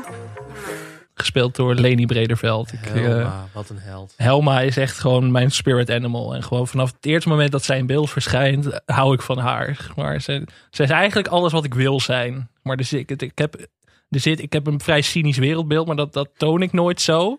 Maar ik zou willen dat ik iets meer van, van Helma zou hebben soms. Dat ik Ja, denk dit- van, The subtle art of not giving a fuck. ja, dat, haar, dat zou ik heel graag willen hebben. Ja. En ook een beetje haar anar- anarchie, wat in de film dan heel erg naar voren komt. Dat, Ja. dat, dat, dat zou ik ook heel graag willen hebben. Dat is ook wel jaloersmakend. En ja, de actrice Leni Brederveld, ik vind haar sowieso echt, echt briljant. En haar Wat is, eh, timing wat is goed. Waar zit ze nog meer in? Ja, behalve in een. Alzheimer reclame. Ja, daar zit, dat was Ah. heel vreemd inderdaad om Dat haar daar te zien. ja, dat dat was vond ik dan een beetje eh, ja, dat, dat ik meteen dat, dat ik me zorgen ging maken. Dat ik denk, van, eh, dat moet wel goed gaan met Helma. Ik had het gerookt. Zie je wel, toch atrofisch geworden. Maar de luizenmoeder is natuurlijk wel haar grote doorbraak geweest eh, op, op vrij late leeftijd. Maar ze zat al in Jiskevet. eh baantje heeft ze gedaan. Ze zat in Sint-Hubertsberg volgens mij. Ja, ja, zeker. Ook met Beppie Ja, Melissen. dat klopt. die, Zij was eh, een van de, van de waar ze patiënten, verliefd toch? op blijkt. waar ze in de film dan inderdaad Oh. nog een extra lijntje mee heeft. Oh, man, man, man. Maar echt zo'n actrice die eigenlijk... Nou ja, als je regelmatig Nederlandse films of serie kijkt... dan, dan ken je haar wel. Al is het maar van Ja. gezicht. Dan weet je meteen wie Ja. het is. Maar dit was eigenlijk haar grote doorbraak. Dus ze hebben volgens mij een interview in Volkskrant Magazine een jaar geleden... waarin ze ook zei dat ze nu op straat wordt nageroepen... terwijl ze dat normaal nooit had. Dus dat, dat vind ik ook altijd wel iets Ja. romantisch Wat hebben. vind je als, dan zo eh, cool aan haar? ja, gewoon, ja, wat, wat jij net zei, de, de subtle art of not giving a fuck. Dat, dat Ja. straalt zo. Ze hoeft niet eens wat te zeggen, maar ze is gewoon de manier, haar houding en dat, dat dode haar en zo. Dat, dat vind ik gewoon, dat vind ik zo fantastisch. het koffieapparaat is stuk. ja, ja dat, dat, en dat is echt, zeg maar, mijn, mijn slechtste instincten komen een beetje in haar samen, zeg maar. En dan denk ik van, Ja. Ik ben benieuwd hoe ik over 50 jaar, of ik dan een Helma ben geworden of... eh, Misschien moet je de Pabo gaan doen. Ja, ik, had, ik had niet de ambitie. Maar ja, Helma, ik weet niet. Ik, ik hield van haar toen ik haar zag. En ik dacht van dit. En ook in de film. Jawel, de film is geniaal. De film, inderdaad, dan zit ze op zo'n hele oude brommer. En dat, dat beeld. Maar ik zou er eigenlijk een ook poster van willen hebben. En boven mijn bed willen hangen. Dat vond ik zo'n mooi shot. Ja. Ja, en, en ze is een heel erg eh aloof. Ze laat het allemaal maar gebeuren. Zij is, joh, dit is mijn klaslokaal, daar kom jij gewoon niet in. En de rest van, dat, van, die, hele, van die hele kermis, hè, dat zien we dan wel weer. Ja, Maar ze, ze heeft ook een hele datkrachtige kant verder. Dus als het, als het haar echt te ver gaat, dan is het, ja, godverdomme hoor je dat dan. ja, en ze is wel gewoon een hele betrokken docent. Ze had Ja. natuurlijk ook naar haar, kind, naar haar leerlingen kunnen zitten van... eh, I don't give a fuck, weet je wel. Ik ga hier gewoon een beetje staan lesgeven en ik ga naar huis. Maar Nee, ze is wel echt, echt bevlogen in die zin. En ook Behalve een docent... In de film gaat ze weg. In de film gaat ze weg, En maar terecht. ja, dat was ook wel terecht inderdaad. Maar ja, ze, volgens mij is zij wel zo'n docent van wie alle leerlingen ook gaan houden. Weet je wel, een goede verhalenverteller en buiten de lijntjes durven kleuren. Niet Ja. per se. Helma lijkt me niet iemand die het lesprogramma keurig volgt. Ik ken ze. Ja, volgens mij is dat misschien is het voor jou wat frustrerender of zo. Het lijkt me wel frustrerend om een collega van een Helma te zijn. Het ligt eraan, want ik denk dat Helma uiteindelijk wel oké is. Je hebt altijd masto je hebt altijd in ieder vakgebied, niet alleen het onderwijs, mastodonten die altijd alles al doen op de manier waarop ze het altijd al deden. Ja. Maar eh, ik denk dat Helma op zich wel daar, zich daar bewust van is en daar, ja, dat, ik, ik denk dat ze wel oké is. En vooral omdat het hart, dat ze het hart voor de kinderen nog heeft, weet je. Je hebt ook collega's die gewoon altijd al alles doen zoals het altijd al gaat en dan denken, nog twee jaar. Nog twee jaar. Ik mag nog twee jaar. Oh nee, ik moet nog twee jaar. Ja. Ik had een keer ging ik weg op een school. was er ook een collega die zei: Ik moet nog twee jaar. Of eh, ik ging samen afscheid nemen. En die zat, zei: Ben je ook aan het aftellen? Maar ik ging naar een andere baan. En hij ging met pensioen. Ja, want dat is bij Helma. Je denkt van, oh, ze is blij dat ze met pensioen mag. Maar dat komt natuurlijk mooi naar voren in die laatste aflevering. Dat, het toch wel, dat ze het toch wel heel moeilijk ermee En in de film. En in de film dat ze heel makkelijk weer terugkomt ook. Dat, dat vond ik ook wel sterk. En ja, wat ik net zei, een goede comedy begrijpt de personages ook goed. En dat heb ik het idee dat het bij Luizenmoeder, we hebben het nu over Ank, Nancy en Helma gehad. Dat zit wel echt goed. Ja. Ja, en ook met heel veel van die ouders vind ik dat ook gewoon. Ja. eh, dat ze dat gewoon heel goed uitbedacht hebben. En tot in de puntjes. Ik denk dat ze, eh, dat ze zich heel goed hebben eh, ja, geschetst hoe die verschillende rollen moeten zijn. Over die Karel nog even door. Wat ik, wat ik zo knap aan hem vind. En die mensen heb je ook. Je ziet heel vaak scènes waarin twee mensen aan het praten zijn. Ergens over. Over eh, verjaardagscadeautjes. Over, eh, over, over, over, over allergieën. Of dit. En hij is er altijd ineens. Zie je, je ziet hem ook zo'n beetje op de achtergrond zo inveden zo. En dan staat hij ineens. En dan is hij in het gesprek. En dan is hij ook het gesprek. Ja, of soms dat hij ineens achter iemand staat en Ja. zich ermee gaat bemoeien. Dat je hem Wakker niet ziet. Wakker. Ja. Hij Ja. wordt gespeeld door het jongere broertje van Wouter Bos. Wisten jullie dat? Is dat zo? Arnoud Bos is een zes jaar jongere broer van Zo. Wouter Bos. Nee, maar dit, dit, dit, dit is en echt hij is fulltime regisseur. Ja, het is echt waar. Het staat op eh, Wikipedia. Ja, nee. dan is het waar. Nee, ik, heb het la- ik, ik was benieuwd wie hij was, dus ik heb het opgezocht op Wikipedia. Hij is ook fulltime, werkt hij bij de, bij de recherche. Zo. Dit, dit, zijn de feitjes dit die hij on wil. the side. Dat, je zou er een moord voor doen om hem te onder... Ja, maar tegenwoordig doet hij het ook goed als bijlesdocent in een tuinbroek op YouTube. Oh mijn god, ja. Geniaal. Oh ja, ik zie hier inderdaad. Hij eh, debuteerde in 1994 in eh, Goede Tijden, Slechte Tijden als Bartje Bruining. Ja, dan, dan ben je eigenlijk al binnen. Dan ben je Ja, binnen. Als je allitereert, dan weet je al hoe lang eh, je carrière gaat worden in. Hij heeft. Jan-Peter Balkenende gespeeld. Hoe dan? Oh. Ja, nee. Nee. Nee, nee. Dat zie ik niet. nee. Nee. Heel veel make-up aan te pas gekomen waarschijnlijk. Eh, in 2011 stopte hij met acteren en ging hij inderdaad fulltime aan de slag bij de politie. En ehm, maar dit is wel zijn grote doorbraak Ja, geweest, denk ik. Ik denk dat iedereen hem nu ziet als Karel. Ja. Het is toch wel een klassieker geworden inderdaad. Naakt met een klankschaal in de woonkamer. Ja. Ja, want dat is natuurlijk vaak bij een beetje die, die bijfiguur uit comedy-series. Wat ook in The Office. Die hebben nu een soort hele business gevonden met, eh, met van die videoboodschappen, weet je wel, voor fans. En dat, eh, misschien zit het er ook wel in voor alle, alle ouders uit eh, de luizenmoeder Ja, die niet ja. eh mega voor mij nog tegen zijn. dat niet alle, alle B-acteurs uit de Luizenmoeder tijdens de lockdown een eigen podcast zijn Ja. begonnen. Zoals, zoals bij Community Ja, zo'n recap-podcast inderdaad. Dat, eh, nou bij ja, The Office. misschien Onderwijs. brengen we mensen nu op ideeën inderdaad. Eh, Onderwijsheden ja. van Anton. Ik zou luisteren trouwens wel. Jawel. Ja, toch? Ja. Mooi de Anton. Ja. Anton, ja. Ik heb voor vandaag een ontzettend geinig out-of-the-box experiment bedacht... om de studiedag voor morgen content mee te geven. Nou, dat horen we dan morgen wel. Wait a minute. Morgen zal in het teken staan van teambuilding, maar vooral positive feedback. Je bedoelt gewoon kritiek. Positieve kritiek. Door alle lagen, van hoog naar laag en weer terug. En daarom gaan we vandaag een uurtje met elkaar meelopen. Meelopen? Ja, en dan krijgen jullie morgen de opportunity om input te geven... middels de positive feedback... op basis van de observeringen van vandaag. Nee, observeringen. Nee. We serveren iets op vandaag, Anke. Vandaag serveren we iets op voor de studiedag van morgen. Leuk bedacht, Anton. Good thinking. Dat is ook ontzettend belangrijk voor de human dynamics binnen deze hechte. Zou je alsjeblieft gewoon normaal Nederlands kunnen praten? Ik kan dit verhaal bijzonder moeilijk volgen. Iedereen krijgt de waardering die hij of zij verdient. Dat is het eigenlijk. Nou, mooi. Dan hoeven we morgen dus ook geen veren meer in elkaars reet te steken. Ja, we hebben het natuurlijk al meermaals over Diederik Emmingen gehad. Maar Anton is ook wel, nou ja, een beetje de, de Nederlandse Michael Scott, denk ik wel. Ik denk dat het heel erg daarop gebaseerd is, op hoe Steve Carell in Ja. de Amerikaanse Office dat deed. Ja. Zo ongemakkelijk de hele tijd. Ja. Ja, Maar dan in Zo de, in, fout de in de hele lieve eh, sfeer of zoiets. Want hij is toch, hij heeft, hij heeft natuurlijk die mimiek Ja. en met de handjes is hij, eh, je hoeft eigenlijk maar die twee vingertjes naar voren te wijzen en je weet al dat je een participietje aan gaat voorstellen. En, en dat, dat, dat is wel knap, want dat is, dat is ook heel consistent. Dat is steeds dezelfde rol die hij daar speelt. En Ja. hij heeft ook ineens krulletjes, wat hij volgens mij in Ebbing in het echt ook niet heeft. nee. En maar hij is gewoon zo'n sulletje. Hij heeft dat echt helemaal volledig, heeft hij dat onder de knie weten te krijgen.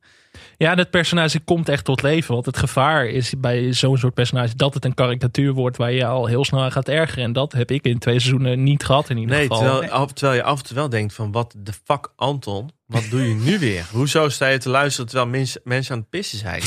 Ik, ik noem maar even wat. Bijvoorbeeld. Nou Nee, is en af te raden, ja. Ja, dat is, nou ja, nou ja, dat, dat denk ik. dat denk ik ook.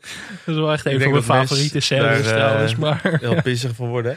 Maar maar Zou het ook komen omdat hij ook, eh, zeg maar, wat Nancy niet heeft in mijn optiek, tenminste of heel weinig, namelijk een redemption arc. Het is niet, Nancy maakt het bijna nooit meer echt goed, maar Anton wel.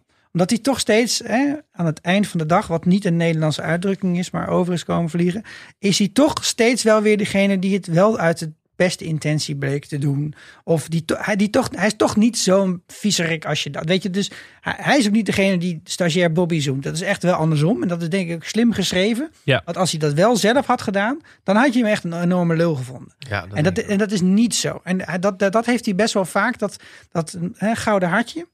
Dat komt steeds weer naar voren. ja, het is gewoon altijd die onhandigheid Ja. eigenlijk. Het is geen kwade wil of zo. Het is het is gewoon een pure, pure stunteligheid. En dat, dat heeft Diederik Emmer natuurlijk sowieso al over zich. Wat je ook in Promenade heel vaak terug ziet komen. Ja. Gewoon het gebrek aan autoriteit, de stunteligheid al. Hij hoeft niet eens iets te doen, maar als hij erbij staat, dan denk je al van. Ja, Je hebt is- een soort van medelijden al met hem. Hij is wel zo e- egocentrisch als een bakkerozijnen. Maar dat, dat, dat zou ik dan ook misschien nog wel kwaadwillend kunnen noemen. Mhm. Alleen, ja, omdat het zo'n sukkel is, dan is dat ook wel weer een soort van te vergeven. Ja, dan vergeven. En wat ik net zei over Michael Scott in The Office heeft dat ook een beetje. Weet je wel, Ja. dat je hem dan toch de meest bizarre dingen gaat vergeven, omdat hij het is. En dat, dat, dat, daarom is die, die eh, gelijkenis tussen die twee personages ook wel, vind ik wel vrij sterk. Ja, Terwijl het jij gaat nu ook altijd mis. Hij is een beetje de B100 Ja. van, eh, van de serie. Ja, een soort ik heb ook altijd pech. eh, dat hij weer op zijn muil gaat als Winterklaas. Ja. Nou, nee, maar dat, dat gebeurt hem ook steeds. Ja, ja. En Dus hij het, gaat ook niet, wel- het zijn niet alleen de vieze dingen. Het is net zoals bij alle grappen waar we het eerder, eerder al over hadden. Over de algehele linie worden er grappen gemaakt. En dat is bij hem ook zo. Over de algehele linie gaan, gaat shit mis. Ja. Dus het is niet alleen zijn falende beleid. Het is niet alleen eh, dat hij ongemakkelijk is. Het is niet alleen dat hij een beetje ra- dat hij onbedoeld racistisch is. Het is niet alleen dat hij eh, gekke dingen op het toilet doet. of dat hij moeilijk eh, verteerbare, voor de riool moeilijk verteerbare stond heeft. Het is alles. Alles gaat mis bij hem steeds. De maatschappij heeft veel meer mensen zoals jij nodig, Volkert. Niet iedereen hoeft een eh, academicus te worden. Dank je. Een leuke feedback. Het is zo mooi om te zien hoe jij vol passie met je handen werkt. Hm. Ja, ik ben natuurlijk maar laag opgeleid, hè. Wil je dat nooit meer zeggen, Volkert? Je bent praktisch opgeleid. Klinkt een stuk vriendelijker, of niet? Ja, maar is hetzelfde, toch? En ik als hoogopgeleide ben dan theoretisch opgeleid. Als hoogopgeleide. Ja, ik ben dan hoog opgeleid, maar ja. Oh, ik dacht theoretisch. Ja, dat is hetzelfde. Dus hoog is theoretisch, laag is praktisch. Oh, dat snap ik niet. Maakt niet uit. We hebben de praktijk keihard nodig, Volkert. Van die handige handjes die onze spulletjes maken. Ja. Doe maar. Ehm, misschien moeten we het nog eventjes over zijn eh, promenade gabber hebben. eh, van Diederik Hemmer althans. Henry Ja. van Loon als eh, Henry. conciërge Volkert. Hoe, eh, hoe, hoe staan jullie tegenover Volkert? Wat, wat denken jullie over dat personage? Eén blok ongemak. Ja. Ik vind eigenlijk de scènes waarin hij dus met Hanna eh, aan het... Ja, ik denk dat het werkwoord flirten is, maar ik, Probeer te flirten. weinig van de dingen die daarmee te maken hebben komen terug in deze handelingen en in deze scènes. Ja, terwijl dat heel grappig is, want Henry van Loon en Jennifer Hofman gingen vlak voor de luismoeder uit elkaar in het echt. Zeg maar. Oh. Dat gaf hun hele dynamiek in de serie een heel, hele ongemakkelijke oh. lading. Oh, nou dat is dan helemaal blijven Dat- plakken ook. Ja, dat, dat, dat, dat, dat, dat bleef ik toch altijd bij me houden. Of zoals ik Oh. hun bezig zag op het scherm, dacht ik, wat moet het ongemakkelijk zijn om te spelen met je ex, zeg maar. Dat je dan langzaam verliefd wordt op diegene. ja. Of ze dat nou expres hebben gedaan. Eind, eind 2017 gingen ze uit elkaar. Dus het is... eh, Ja, nou ja, er, er, is, er is vrij goede comedy geschreven. eh, ook en gespeeld door mensen die elkaars ex waren. Volgens mij geldt dat ook voor Connie Booth en eh, eh, John Cleese in Fawlty Towers. Die waren in het tweede seizoen ook geen eh, partners meer van elkaar. Maar hebben nog wel fenomenale comedy gemaakt. ja. misschien draagt het er juist aan bij. Misschien is het hele, heel goed Ja. Eh, Dat het lekker ongemakkelijk moet zijn. ik heb dit nooit geweten. Joh, dank je voor. Ja, dit is ook waarom mensen dit soort podcast luisteren. Dat dat toch even mee. Dat je weet Ja, dat dat, weet eh, dat, die, dat, hoe heet hij nou, eh, dat Karel eh, regisseur is in het echt. Ja, ja. Dat, eh, dat is toch wat je wil weten. Ja. Oh my god, dat is een partij ongemakkelijk zeg. Maar, vind, maar Volkert, terug naar Volkert. Oh, sorry. Ja, Ongemak. terug- Ongemak, ja, Ja. ja. wel toch? Dat is het. Ja, en een vrij heftige climax van zijn verhaallijn ook aan Ja. het eind van seizoen 2. Ja. Daar, daar schrok ik ook al van hoe, hoe serieus dat eigenlijk is. Dat, dat was, als je het nou hebt over shit die, eh, die zeg maar bespreekbaar wordt gemaakt. Of in ieder geval in een serie zit die normaal gesproken er niet in zit. Je kreeg gewoon aan het einde. Ja, we, bedoel, we hebben eh, Anton die een nieuwe baan als koepeldirecteur aangeboden krijgt. eh Ank wil naar de strohalm. En we krijgen ook nog gewoon een onversneden Nederlandse variant van jachten. Ja, dat moest ik ook heel erg aan denken. Ja. Ja. En, en ook, zeg maar, dat is ook heel goed opgebouwd en gespeeld. Dat je, zeg maar, het wordt niet eens per se, want even voor de helderheid, als de luisteraar het niet meer bijhoudt. eh, er wordt op een gegeven moment een kindje heeft gezien dat Volkert het broekje van Floor naar beneden heeft gedaan. En dat is ook alles wat er is gebeurd. Een kind is geholpen bij het naar een wc gaan door de conciërge. Dat gebeurt. Dat is heel normaal.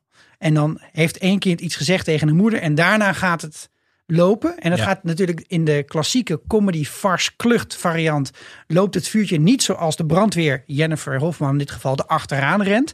En uiteindelijk is het eigenlijk één grote fuck-up waarbij niemand elkaar meer vertrouwt en iedereen boos is op elkaar. En de arme Henry van Loon, de arme, arme Volkert met zijn eh, PTSD, die is degene die het eh, moet ontgelden. En, Ja, en die Ja. denkt ook dat Hanna ermee begonnen is, toch? Met het verhaal. want, Ja. want dat is namelijk iets wat, ja, hebben we er weer, Nance de Pants Ja. heeft gezegd. Ja, Dat was ik even vergeten. Ja, da- en, toch weer die Ja. antagonist, hè? Toch Ja, weer maar die het is wel. Dat, je hebt helemaal gelijk. En, en de, ik vond het echt allemaal heel heftig. En het duurt ook twee afleveringen. Dus Ja. een van de weinige verhaallijnen die eh, meer dan één aflevering overstijgt. En het is ook iets waarvan je volgens mij als, als ouder, als docent, als eigenlijk ook in dit geval medestaander, waarvan iedereen enorme cringe krijgt in zijn hele lichaam. Want nee, natuurlijk is het 100% verschrikkelijk als dat zo een keer met een kind gebeurt. Maar het is ook echt ronduit tragisch als iemand ervan beschuldigd wordt waar niks aan de hand is. Want het blijft altijd aan je kleven, wat ook gewoon letterlijk wordt gezegd. Ja. Dus er wordt hier volgens mij echt een fantastisch goede verhaallijn opgezet. ja, en ik vond het ook wel dapper inderdaad. Want dit kan heel erg Oh. verkeerd uitpakken in een comedy natuurlijk. Dat, er, Ja. eh, dat er misschien wel een grap van wordt gemaakt. En dat Ja, of dat er ergens eh, één zin verkeerd staat waardoor het vergoeilijkt zou worden. hè? Ja, Dat zou ook nog kunnen. Ja, dat- en dat- dan, nee, eh, nee, dit is heel gevoelig. dan moet je Angela de Jonge zoeken. Ja, dan was die Nipkoff schrijf ook Maar- vergeten geweest. Geweest. Maar nee, dat, dat vond ik ook wel sterk. En dat is ook waar ik in het begin over had. Dat de goede comedy-series ook het drama-aspect begrijpen. Ja. En dit was misschien wel het beste voorbeeld daarvan. Fantastisch, ja. de verhaallijn. Eh, wat ik ook wel grappig vond, aan het eind van de, van de serie, in de allerlaatste aflevering, zien we Jennifer Hofman, die volgens mij in het fietsenhok dan nog wordt aangeraakt door iemand. Ja. Waarschijnlijk Volker, tenminste, daar ben ik altijd van uitgegaan. Maar Nee, daar hebben we nooit echt een antwoord op gekregen. De- hier, hier gelden de, de, witte, de wetten van de cinematografie. Hij slaat op een gegeven moment een, een ruit in en dan moet zijn hand verbinden. Mhm. En volgens mij is de hand die op de schouder van Jennifer komt te liggen, is ook verbonden. Ja. Dus ik ben er altijd van uitgegaan dat het gewoon Volkert is. Ja, maar we zullen nooit precies weten hoe dat is afgelopen. Ja, want want, seizoen 3 eh, gaat er niet komen. En eh, hij was dat ook niet in de film. Nee. Nee, Henry van Loon is al klaar. Voor seizoen 3 moeten we straks nog maar even. Want eh Oh, oh. het is nog een beetje. Nee, ik, heb, Oh. ik heb geen scoops hoor. Maar Oh, volgens oh. mij. Jemig. Ik, eh, nee, daar komen we zo wel op terug. Ja. Eh, misschien nog wat ouders die we nog. is er nog een ouder die jullie in het zonnetje willen zetten? Ik weet nooit, ik vergeet die naam steeds. Nou, ik denk dat Die degene- zwanger is, om- Mien Nieuw. omdat hij ook vrij belangrijk is nog voor de film, denk ik dat Ursula er nog in moet. Eh, Zo, ja. ja. Ja, gespeeld door Maaike Martin. Jawel, ja. maar dat is ook. Ja, maar dat is... Die, ja. die komt Nee. ook met een soort, die heeft een tractor waar dan BMW op de voorkant staat. En die eh, heeft dan ook nog ruzie over de bakfiets. En eh, die, die koopt De dan een- curlingouder. De curlingouder inderdaad. Niet rennen! Geniaal. Ja, dit is ook zo iemand, dus het is eigenlijk net te vermogend om op deze school te zitten. Is volgens mij ook de grap. Hè? Want eh, er wordt ook over, ja, heeft, mij, heeft jouw kind wel genoeg geld uitgegeven aan het Ja, of is het een kind? poseur rijk iemand? Dat idee had ik altijd een beetje. Dat het gewoon... Als je ineens 20 euro uit je zak trekt om in de, le- in de lief- en leedpot te Oh, ja, stoppen, dan ben je natuurlijk ook wel een klein beetje een aansteller. Ja, ja, of het is, een beetje, of het is zo'n vrouw van de Telfort reclame, weet je wel. Van ooit heel rijk Oh, geweest en dan zeg maar afgegleden. Dat het kind niet meer naar 1 een privéschool kan. naar 1 euro in de bank. Ja, zoiets inderdaad. Dat idee had ik haar altijd een beetje. Oh, dat ja, dat rijkdom was. Oh, wat goed. Ja, dat zou, dat zou nog leuk. Dat zou nou voor seizoen 3 Ja. nog veel leuker maken. Als Maar je dit, dit is een fantheorie, hè? Dit is Ja. niet op enige realiteit gebaseerd. Nee, maar, maar zij, zij, zij begint eigenlijk elk seizoen begint ze met zit ze nou weer bij die trut Ank, weet je wel? En dat kind wordt inderdaad de hele tijd er, er wordt een soort bubbeltjesplastic om dat kind heen gelegd en zij rolt dan dat kind met in die bal bubbeltjesplastic over de gang. Dat is een beetje haar werk. En, en ja, zij is het gewoon eigenlijk met niets eens. En ze staat de hele tijd ook in, de, in het kantoor van Anton. Zij is ook wel een bewijs dat, dat zeg maar, Karel het gewoon verkeerd aanpakt. Want Karel die heeft zichzelf of eerst luizenmoeder. En toen is Nee, hij opgeklommen. En hij uiteindelijk kam aan de wil gegaan. wi- wilde hij naar het hoogste orgaan, wat hij niet eens begreep. Dat is MR, dat is helemaal niet het hoogste orgaan, want dat is natuurlijk de oude raad waar Nancy in zit.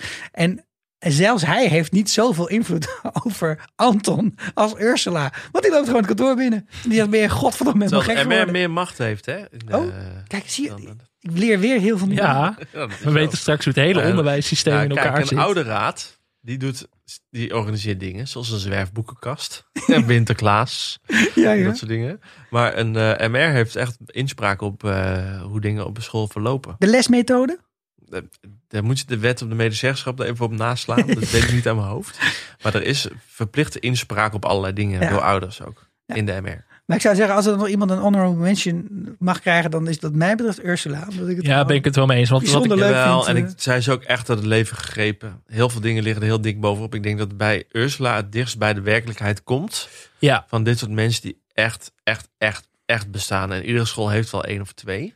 ja ook gesprekken precies. gevoerd met ouders. Ja, en, en dat dit, de kinderen niet in de zandbak mochten spelen en zo. vind- want, weet zij gebruikt wat. dat geld ook de hele tijd als een soort eh, drukmiddel. Hè? Mhm. Dat vind ik ook heel eng. Ja, Dus dat heb je, nou, dat kijk ik ook nog wel van de middelbare school. Dan had je ook wel eens een revue of een feestje. En er was er één vader of zo, of moeder, die dan, die had, die had dan 300 euro gegeven. Nou, en jou op, ja, met jouw zakgeld was het dan van, nou, oké, je, je gaat een huis kopen of zo, weet je Ja. wel. En, maar dat, zij doet ook de hele tijd dit soort dingen. Zij zegt ook van, nou, nou dan trek ik mijn geld in en dan, eh, dan kun je dat allemaal dat niet meer doen. Dat, dat hele potsierlijke schermen met bedragen die ook helemaal Ja. feitelijk weer nergens over gaan, maar dan in de context heel veel lijken. Dat doet ze ook iets van drie, vier keer in die serie. En denk je ook, oh, ik ben echt zo'n trut ook.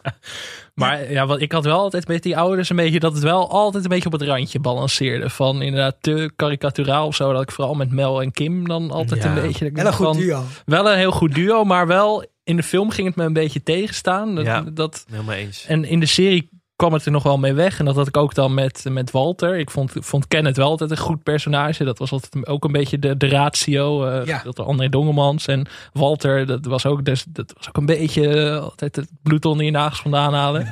maar bij die ouders vond ik dat wel altijd een dun, dunner lijntje dan bij de leerkrachten nog. Ik weet niet, eh, vooral in de film vond ik dat daarom ook dat die ouders er eigenlijk het minst uitkwamen. Ik weet niet. Ik denk dat het misschien wel een goed bruggetje naar de film is. Als ik nog één ding mag Als jij zeggen. nog over één de ding mag serie. zeggen. Want ik denk, Wat- vind het wel een goede vraag. Nee, maar, zeker. Maar wat jij net zegt, Sander, dat je tijdens die film twee keer gehaald hebt. Ik heb dus ook weer alles terug zitten kijken afgelopen weken. En toch, hè, die, de dag waarvan je wist dat die zou komen, is eindelijk dat stuk waarin zij dus dat, dat echt dat hele knullige Ja. liedje doen voor Helma die weggaat. En dat ze allemaal aangekleed zijn, dat het allemaal toch nog goed is gekomen. En dat, ik heb echt zitten janken.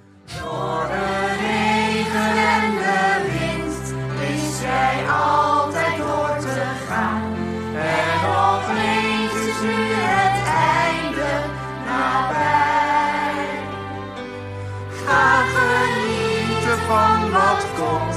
Leef je leven vrij en vol. Lieve Helma, zolang als je leeft. Ik, zat, ik, ik zat gewoon in de keuken, ni- niks bijzonders of zo. Ik zat gewoon in de keuken, eh, aan de keukentafel nog even een afleveringetje te kijken. Terwijl ik mijn Lego Millennium Falcon in elkaar aan het zetten was. En ik zat te huilen en natuurlijk komt net mijn vrouw binnen en die zegt... Ah, weer de luismoeder aan het kijken. maar dat Ja. is zo goed gedaan.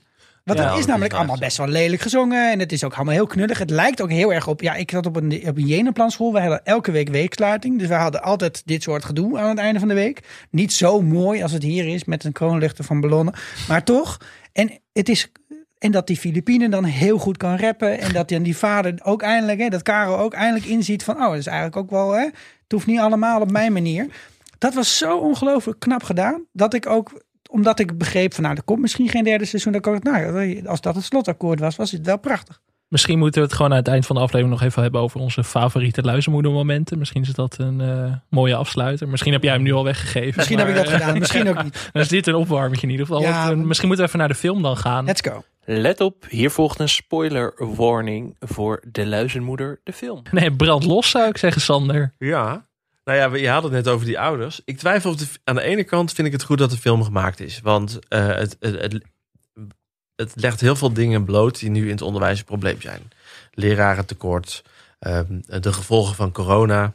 Daar wordt het, wordt wel een paar keer over gehad. Het wegvallen van een directeur. Daar- dat is ook, Ja. dat is niet alleen lerarentekort, maar ook een directeurentekort. Dat, dat is allemaal echt. Dus daarom, daarom ben ik blij dat die film gemaakt is. Omdat ik vind dat dat echt wel de vinger op de zere plek legt. Maar aan de andere kant weet ik niet hoe goed ik het vond. Ik vond het wel goed, als in... Het was... Ik weet niet of het, als je het vergelijkt met de serie, of het beter of slecht was. Ik weet niet of dat ook het juiste gesprek is om te voeren.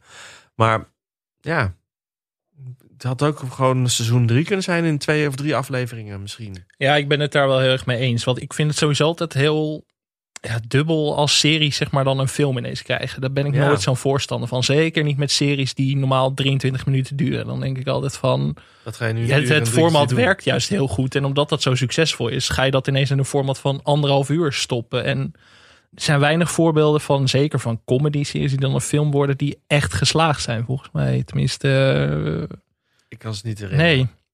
Ik ga ook even heel goed nadenken. Ja, dat, dat- mag. Daar, daar kunnen we nog op terugkomen. Maar Ik, ik zit wel één, eh, zeg maar, één sext of zoiets hoger in de, in de toonsoort dan jullie. Ik vond het wel echt een, echt een vrij geniale film. oké, Ik ben wel blij dat die gemaakt is.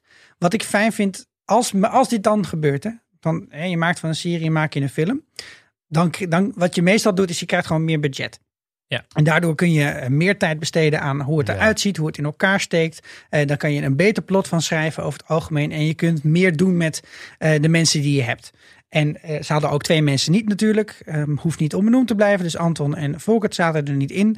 Ilse Warringa heeft echt ook de regie op zich genomen. Heeft gezegd, ik ga die film gewoon in elkaar jassen en ik ga hem maken. Ehm, hij is wat zwaarder van teneur, de film. Hij is eigenlijk vanaf het begin af aan, tot, van begin tot einde is het eigenlijk dan best wel een zware film, eerlijk gezegd, voor, Ja. voor, wat, voor wat de serie was.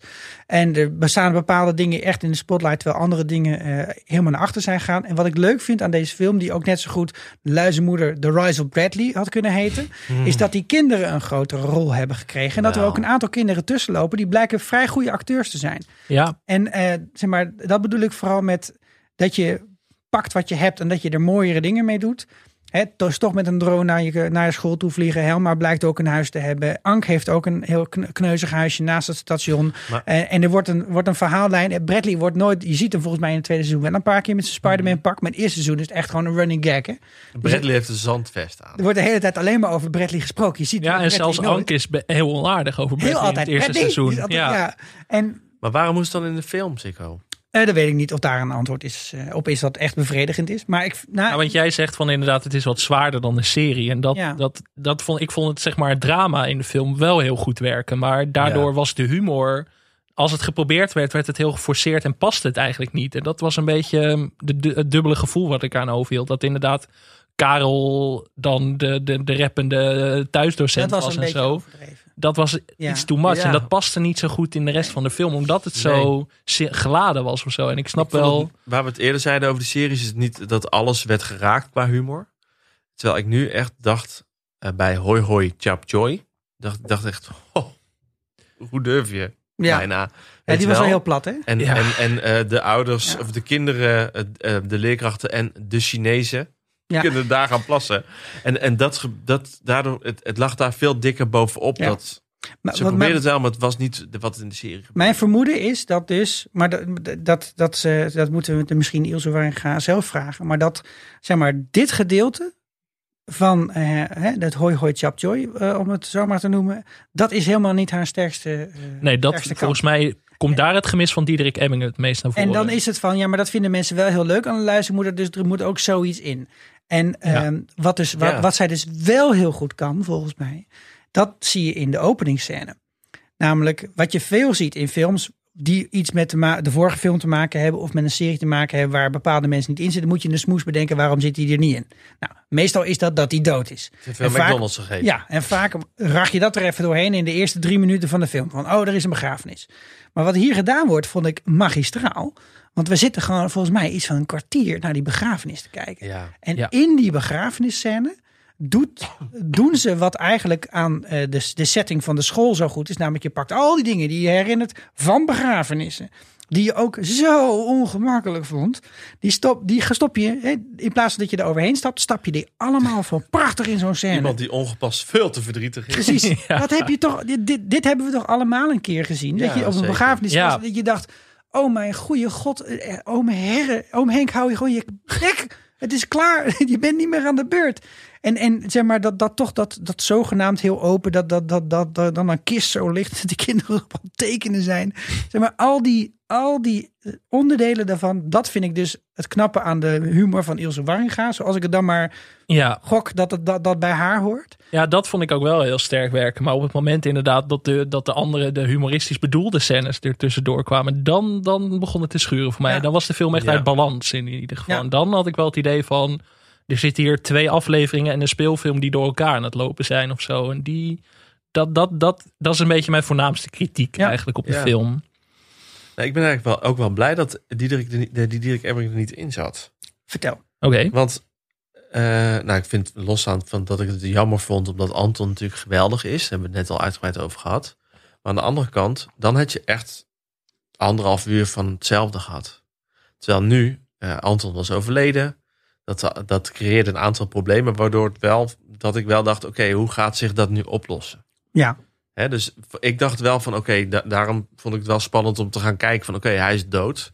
Want ik dacht al, er is iemand dood, zal Anton wel zijn, want ik, had gelezen dat hij er niet in zat. En dat leverde wel eh, allerlei dingen op. Ik had ook wel willen zien hoe Anton dat met die robots had gedaan. Want dat had, was, het, was het natuurlijk opgelegd door Piotr Jan en in de koepel. Ja, maar Ank wordt ook een sterker personage doordat Ja. Anton dood is. Helemaal Dat, dat werkt wel goed Ja. in de film. Ja, Vind ik ook. En, en blijft achter de feiten aanrennen. Omdat het dus echt nog veel irritanter is om een hele school onder je te hebben dan alleen groep 4. Ja. Waar ze eindigde. En dat je ziet ook, dat straalt op alle manieren van haar af, die frustratie. Wat natuurlijk ook een belangrijk element van die film is, is die, de opstand van Helma. Eh, met, die, met, die, eh, met die stagiair of die jongere Oh, dame joh, die joh, eh, ja, ja, ja, komen werken. En ik zat ook te denken, is dit nou, is dit nou luizenmoeder of niet, weet je wel? Maar toen keek die serie weer terug en er zitten eigenlijk wel iets van drie van dit soort eclectische momenten. Dat is volgens mij het woord wat je ervoor nodig hebt. Zeg maar, de, ja, de, heel de school afzetten en dan met, al met PVC-buizen het nepgeweer maken. ventilator raakt. Dat, ja, precies. Dat ging gewoon helemaal nergens meer over. Maar toen ik die, die serie weer terugkeer, dacht ik ook... ja, maar, dat, zeg maar met Winterklaas is het op een gegeven moment ook... dat iedereen elkaar op de bek slaat. En dat er overal rook is. Ja. Dat helemaal nergens... er is helemaal geen oorsprong voor die rook. Stoomboot, Sikko. De Ja, stoomboot. en, en je hebt natuurlijk die aflevering waar Karel eh, de eh, vader van Ahmed ziet staan en er een alarm afgaat en daarom be- besluit dat hij tegen de vlakte moet. En eh, nou, je hebt nog zo, er is nog zo'n moment, ik kom er zo wel op, maar er zijn een paar van dat soort momenten in de serie die je ook denkt, Mhm. nou goed, dat Volker die, eh, dat Volker die eh, ruit in map, weet je wel. Dat is ook heel erg zo als zo'n slechte reconstructie van Peter R. de Vries gefilmd. En dus ik dacht ik eerst, het is niet des lu- luizenmoeders, maar het is eigenlijk wel des luizenmoeders. Maar het probleem is dat het in de film heel lang duurt. En dat je dan dus op een gegeven moment denkt, ja, ik heb hem, Ja, ik heb hem. En eigenlijk, gaat hij, eigenlijk slaat het niet echt ergens op. Nee, nee, nee, maar ik vond dat nog wel werk of zo. Omdat Ja? ook die hele boodschap van de film is van, van wat zijn met het onderwijs doen, die doorgeslagen ouderbemoeienis of zo. nou ja, dat, dat zal jij ongetwijfeld herkennen, Ja. Sander. Dat, eh, volgens mij, daar kon ik me nog wel in vinden. Jawel, ik vond dat, heel, dat die verhaallijn met die nieuwe directeur, met die interim. En het eh, niet alleen doorgeslagen ouders, maar ook doorgeslagen ICT-shit. Eh, niet, dat gebeurt niet alleen op scholen, maar gewoon überhaupt ook in de wereld. Toch? Mhm. Eh, ik vond dat heel mooi hoe dat weergegeven werd. En die boodschap vond ik heel cool. En de boodschap van Ank De boodschap van Ank. aan het eind. eh, ja, kon ik me best wel in vinden. Want die boodschap is, Het moet gaat om de kinderen. ja. Ja, ik en, en, en, Toch? Dat zegt ze. Ja, Ja, en en daar merk je ook dat Ilse Warrig echt haar ziel en zaligheid in die film heeft gelegd. Wat ze ook zelf gezegd Ja. heeft. Van Ja. alles wat ik vind zit in deze film. En dan, de, dat vond ik wel goed. Werd, wat ik net zei, drama in deze film werkte heel erg goed. Omdat dat punt heel erg naar voren komt. Ik zei net, eh, ik heb twee keer gehuild. Deze film. Dat was toen Bradley bij Anta- Ank thuis was. Mhm. En dat ze de Spider-Man plaatjes uit de, eh, de speelgoedgids zat te knippen. Ja. Ja, ik, ik word er weer emotioneel van. Ik ga nu niet huilen nu, maar ik word er wel emotioneel van. ja, maar dat was en, prachtig toch? En dat, Ank, eh, en dat Bradley zegt, maar Ank, je hebt toch sorry gezegd? Aan het eind, hè? Dat die, Ja. knuff, die knuffel, krijg ik kippenvel van. En Ja, dat daar is ik het omdat wat, wat, dat wat Ank doet, het gaat veel te ver. Dat ik dat meteen zeggen. Want als het op zo'n punt komt dat je een kind mee naar huis moet nemen, dan zijn er allerlei, al lang allerlei dingen gebeurd om het kind beter te helpen dan dat je mee naar huis neemt. Maar dat wat Ank doet, dat doen heel veel leerkrachten met heel veel leerlingen in hun hart. Dat is echt waar. Ik heb, ik kan ze, ik heb zo'n rijtje met leerlingen waarvan ik denk van nou, kom maar, kom maar bij mij wonen. dan is het goed. ja. Weet je wel? En dat doet zij. En dat vond ik zo sterk. Ja, je kunt het zien hoor. Thuis kun je het zien, maar ik krijg er kipvel van. En dat vond ik ja, gewoon echt heel erg goed aan die film. En, dat, en, eh, en daar gaat het gewoon om. En dat is ook jouw kinderen. perspectief natuurlijk. Ja. Want ik dacht tijdens die film heel erg van... als die moeder in- of als Nancy zegt van... nou, dat kan niet, weet je wel, dat je zo'n kind mee naar huis neemt. Ik denk dan van, hou je bek Nancy. Zeg maar, dat kind verdient dit gewoon. Maar, Nancy dat is heeft heel... ook gelijk. Ja, ja, daar zat ik achteraf ook aan te denken. Ja, Want het gaat wel veel op- te ver. En, maar Nancy zit ook dan weer op een hele rare manier aan die moeder verknoopt. Ja. Waarvan ik me afvraag, volgens mij zit de, de, de, pleegmoeder van ouders- Bradley. Want zo wordt, Ja. ze, wordt ze daarvoor altijd Ja, genoemd. maar dat zijn ouders onder elkaar. En Ank is een professional. En dat Ja. vond ik wel de grens. Ik bedoel, Ja. Bij Nancy vond ik het veel, veel beter te begrijpen dat zij zo handelde. Omdat zij een ouder was Ja. en dat het een andere ouder was. En dat onderling dan, ja, gebeurde, gebeurt soms shit. Ja. Maar Anke is een professional. Nou, gaat gewoon geen kind mee naar huis nemen. Nee. Ik heb één keer een kind in mijn auto gehad... omdat die moeder zelf niet op tijd op school kon zijn... vanwege werk om naar de huisarts te gaan. Toen heb ik een kind meegenomen in mijn auto naar de huisarts. Maar dat, dat was het meest persoonlijk wat ik ooit heb gedaan met, met een leerling. Omdat je een professional bent. Het zijn niet jouw kinderen. Nee. Maar ja, de- En tegelijkertijd ook weer wel. En dat voelt zo. En da- Ja. dat wordt in deze film zo goed weergegeven. nou en, en dat in het verlengde daarvan zegt ze natuurlijk ook voor die televisiekamer op een gegeven moment van elke ouder wil dat zijn of haar kind het onderste uit het kannetje krijgt. Ja. Maar op een gegeven moment is het kannetje leeg voor het volgende kind. Ja. En, en dat zit ook toch stiekem wel heel goed ook in die serie verbouwd. Maar dat he, zij heeft nu in deze film de kans gekregen om dat nou een keer helemaal duidelijk over te brengen. Mhm. Zonder gek, gek, toch ook wel met gekke poespassen tussen, maar met eigenlijk wel als één overkoepelende verhaallijn van jongens, snap je nou niet dat als jij altijd het beste wil voor je eigen kind, dat dat op een gegeven moment gewoon niet meer kan Nee, maar ook dat scholen dat willen. Voor elk kind? Ja. Vertel. Nou ja, ik bedoel, eh, er wordt heel erg gedaan alsof alleen ouders het beste willen voor hun kind. Mhm. Ik durf te, durf te wedden dat alle leerkrachten in Nederland het allerbeste willen voor al hun kinderen in hun klas. Ja. Altijd. Want anders ga je niet voor veel te weinig, voor veel te weinig geld, voor veel te veel kinderen het onderwijs in. Nee. Laten we eerlijk zijn. Nee, maar daar komen natuurlijk ook, ook al die hypes van. eh, van ik- jij kent al die woorden daarvoor, maar die, die ideeën dat elk kind op een andere manier leert. De een visueel, de ander auditief, de een met, met dingen voelen. Weet je wel, dat is altijd allemaal helemaal gebaseerd van ik wil gewoon, ik wil onderwijs wat gewoon op maat gesneden is voor mijn kind. En dus eh, dat, dat het bijna ook niet, het is not done om ouder te zeggen, nou voor mij hoeft dat niet. Ze mogen ook gewoon naar school. Want dan ben je al bijna een slechte ouder. Ja, nou, dan ben je dus ook, blij, maar het is al bijna ook een slechte dan school. dat mensen eh 40.000 euro betalen om hun kinderen aan een privéschool te Ja. Ja. Ik denk dat we weer een hele podcast over kunnen maken. Dat zou inderdaad kunnen. Maar dat, ja, we, we hebben het er nu lang over. Maar dat vond ik ook wel echt het sterkste punt van de film. In principe. Ja. Want, want de comedy is een beetje eh, nou, matig. Matiger. Ik bedoel, Ja. ik vond er zaten wel grappige dingen met die robots en zo. Daar heb ik wel een paar keer om gelachen. Maar Jawel. En wat gewoon het beste is uit de serie zijn gewoon de individuele interacties of met z'n drie of met z'n vieren op dat schoolplein. Ja. Dat zijn eigenlijk gewoon de beste erg. momenten. En die zitten wel in de film, maar die zijn, die zijn leidend voor de serie. En die maken hem ook zo, zo ongelooflijk grappig. Ja, ik vond ook dat inderdaad het probleem waar we het al hadden, over hadden, dat Jennifer Hofman een soort van de protagonist van het verhaal is, vond ik in de film wel erg naar voren komen dat dat een probleem is. Want zij heeft een beetje een hele ondankbare, ik weet niet, ja, Ja. ze heeft wel iets met haar dochter dat ze een beetje een moeizame relatie heeft, maar dat vond ik heel erg bijbedacht of zo. Alsof Ja, dat in één dag er nog even bijgeschreven is van moeten Ja. Hanna wat te doen geven. Maar wat ik wel goed vond is dat ze bedacht hadden: oké, het is zij is geen moeder meer. Zij werkt nu op die school als intern begeleider, wat ook prima kan als psycholoog. Ja, Intern begeleider is iemand die de leerkrachten ondersteunt bij zorg voor leerlingen. Dus niet alleen maar als leerlingen het niet Ja. redden in de klas dat ze daar gaan werken, maar gewoon als er iets is met een leerling. Ja. En het hoeft niet per se zijn dat het slecht gaat, maar het kan ook zijn dat met dat in ieder geval, nou ja, als je pas het onderwijs moet bieden in de klas, Ja. daar helpt Nou, dat- intern dat- begeleider Het bij. leverde wel Dat goede scènes zij. op. Met die kinderen. ja. dat wel. die waren maar... echt wel goed. Maar de, Ja, misschien was dat toch een plotlijntje wat ik liever in een heel seizoen had gezien dan in Ja. de film. Want het was nu een beetje te, te gehaast. Ja, het, het, het slechte moeder. Ja. eh, eh, mijn moeder gaat werken, dus, is, dus dat kan Ja. eigenlijk niet. Dat vond ik ook wel jammer aan tegelijkertijd. Want ja, eh, gescheiden ouders moeten gewoon prima kunnen werken. En daar kunnen daar tegelijkertijd ook hartstikke goed voor hun kind zorgen. Ik vond het ook weer heel erg bevestigend of zo. Ja, dat was net iets die- te, te gemakzuchtig geschreven. Ja. Dat was wel zonde. Vond ik in ieder geval. Maar ja, verder. ehm, we hadden het al even over Helma. Die een, eh, een soort liefdesplotje heeft in de Ja. film. Waar ik wel oh, heel ja, erg god, blij ik had van bijna werd. vergeten. Daar Dat- had dat ik het dat- even dat ze kwaad dat- natuurlijk. Met de grote zuster. Met Peppy Oh. Melissen. Ook een, eh ik ging een levende helemaal legende. stuk toen ze die pop ging kussen. Echt oh waar. mijn god. Maar ik vind haar ook... Een, ja, ik heb, zij is voor mij de grote zuster uit Sint-Hubertusberg. Waar Ja. het zo over is van een bejaarde die valt van de wc af. En zij zegt, laat maar liggen. Hè, want hij wil dat toch zelf in zijn eentje? Nou, dat idee. Zo ongelooflijk. Echt een kenau. En, en nu in deze is ze zo poeslief. Ja, want volgens mij Beppie Melis en Leni Bredeveld, actrice, hebben ook heel erg lang samengespeeld. Zijn volgens mij ook hartsvriendinnen in het echt. En dat merk je ook wel aan die chemie tussen hun in de film. Dat dat heel erg, dat ze heel erg eh, ook gewoon onderling elkaar goed aanvoelen. Dat, Ja. dat vond ik er wel een bijdrage. Daardoor vond ik dat een heel schattig plotlijntje. En ook dat ze natuurlijk trouwen in de laatste scène. Dat, eh, daar kreeg ik dan kippenvel van. Ja, Zo ik makkelijk ook ben ik te paaien. Ik In bedoel, dezelfde eh, kerk. ja, in dezelfde kerk in de ook nog. Ja. Geniaal. ja, dat vond ik mooi dat die kinderen dat bij Helma deden aan het eind. Maar ook gewoon de scène waarin Hel, dat vond ik ook heel goed, dat Helma vertelt over de maagdenhuisbezetting waar ze dan aan meedeed. Daar heb ik ja. ook, dat vond ik wel bijvoorbeeld een hele goede scène. En, ik daarom- dacht toen, dit gaat gebeuren. Ja. Ze gaat gewoon zoiets doen. Want dat moest, dat, moest, dat, dat moest gewoon wel gaan gebeuren. Want ik bedoel, de directeur ging allemaal shit doen.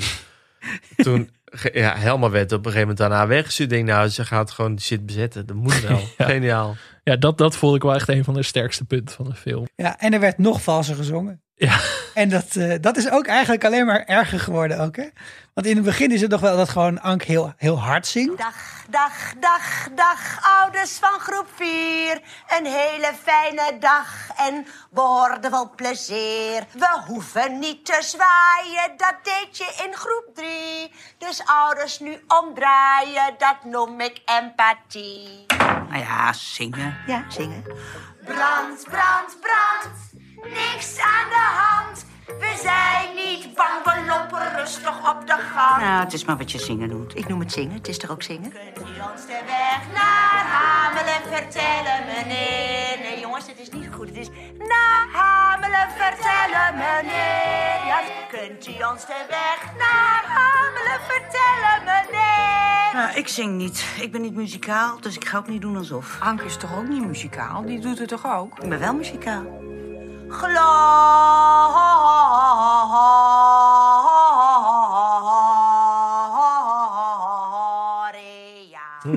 maar het wordt ook steeds valser. En dat Ja. ik ook denk, dit is echt wel van een, dit is echt niveau hoor. Als je dus kunt zingen en je kunt zo vals zingen. Ja, dat is ook een kwaliteit. Dat is echt inderdaad. knap hoor. Ik, probeer, ik heb het oprecht geprobeerd vandaag hardop in huis. Werd niet door iedereen in dank afgenomen. Maar, maar het is Alle helemaal niet weer makkelijk. wakker. Wat ik ook wel een heel sterk klein momentje vond, was dat Helma op een gegeven moment, eh, dat was met, in, met Bradley, en dat Helma binnen kon vallen als het over de positie van Ank gaat. En dat, eh, dat Helma tegen Nancy zegt van oprotten. En dat, Optieven. dat, Ja. ja. dat, optieven, ja, optieven ja, was het, ja. En dat kwam echt van heel diep. Dat vond ik wel een, een hele Ja. kleine, maar wel een hele ster. Daar sloeg ik heel erg op aan Ja. als opportunistische kijker Precies. in ieder geval. En, en dat is denk ik mijn, eh, mijn eh, echt verras waar, waar ik me over heb verbaasd in deze film. Ik vond dus in, die laatste, in het laatste seizoen, daar is Nancy gewoon niet, is gewoon niet om uit te staan.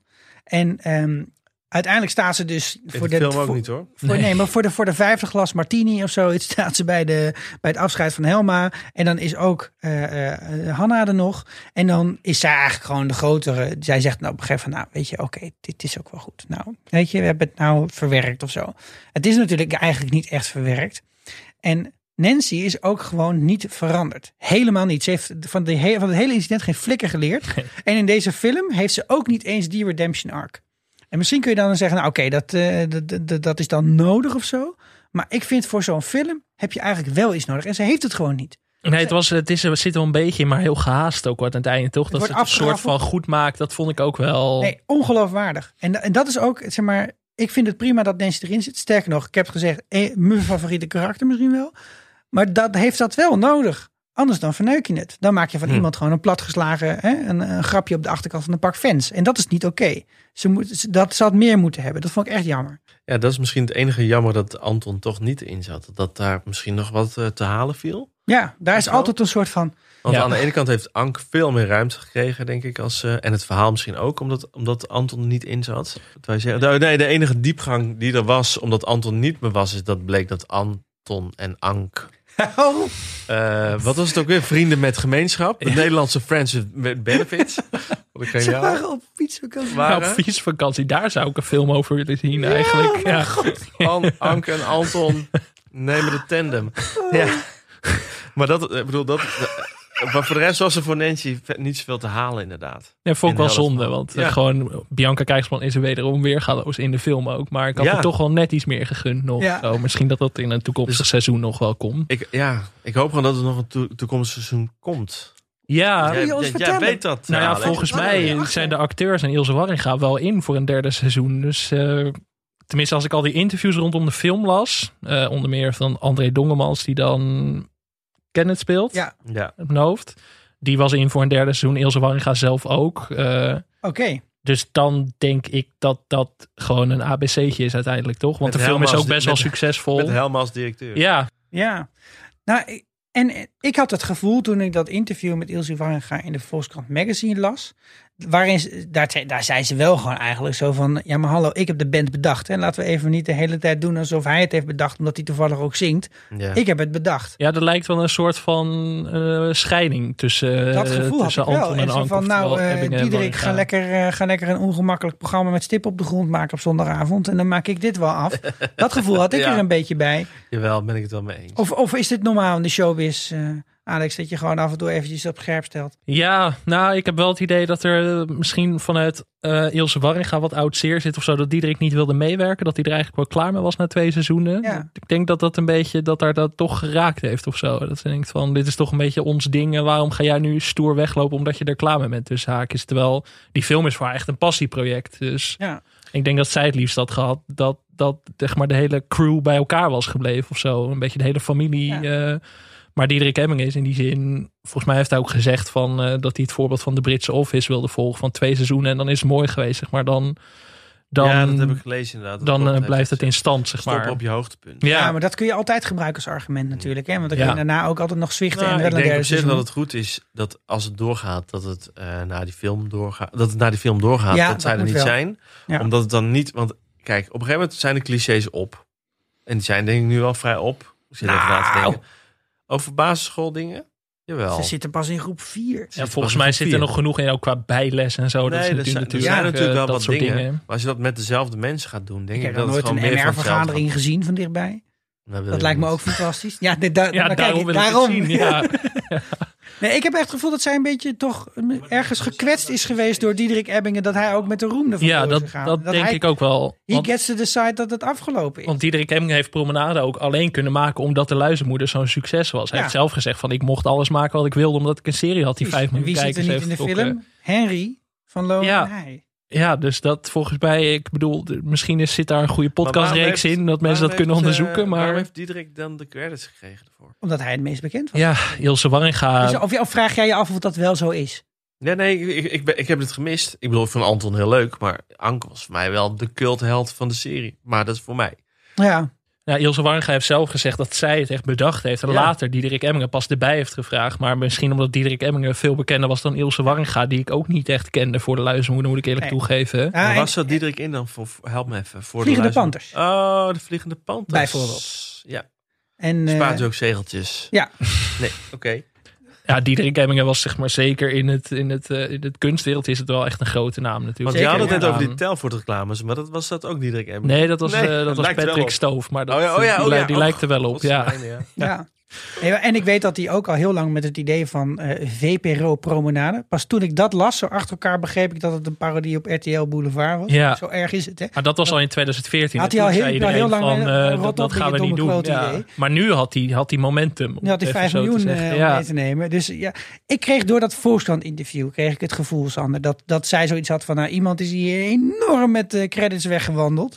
En eh, nou ineens is iemand te goed voor de film. Maar, misschien toch- heb ik er te veel ingelezen. Toch merkte ik in dat interview ook wel waar het misging met de humor in de film. Dat ik dacht van Ilse Warringa heeft een bepaald idee over humor. En dat is precies waar het volgens mij inderdaad misging. En dus de- Ja. daardoor mist het een beetje die Maar subtiliteit. Ik, denk dat het misschien ook wel misging omdat het een film was. ja, Dus nee, als je zeker. hetzelfde had gehad en dat het in zes afleveringen was geweest... en dat je dan één of twee van dat soort ongemakkelijke grapjes...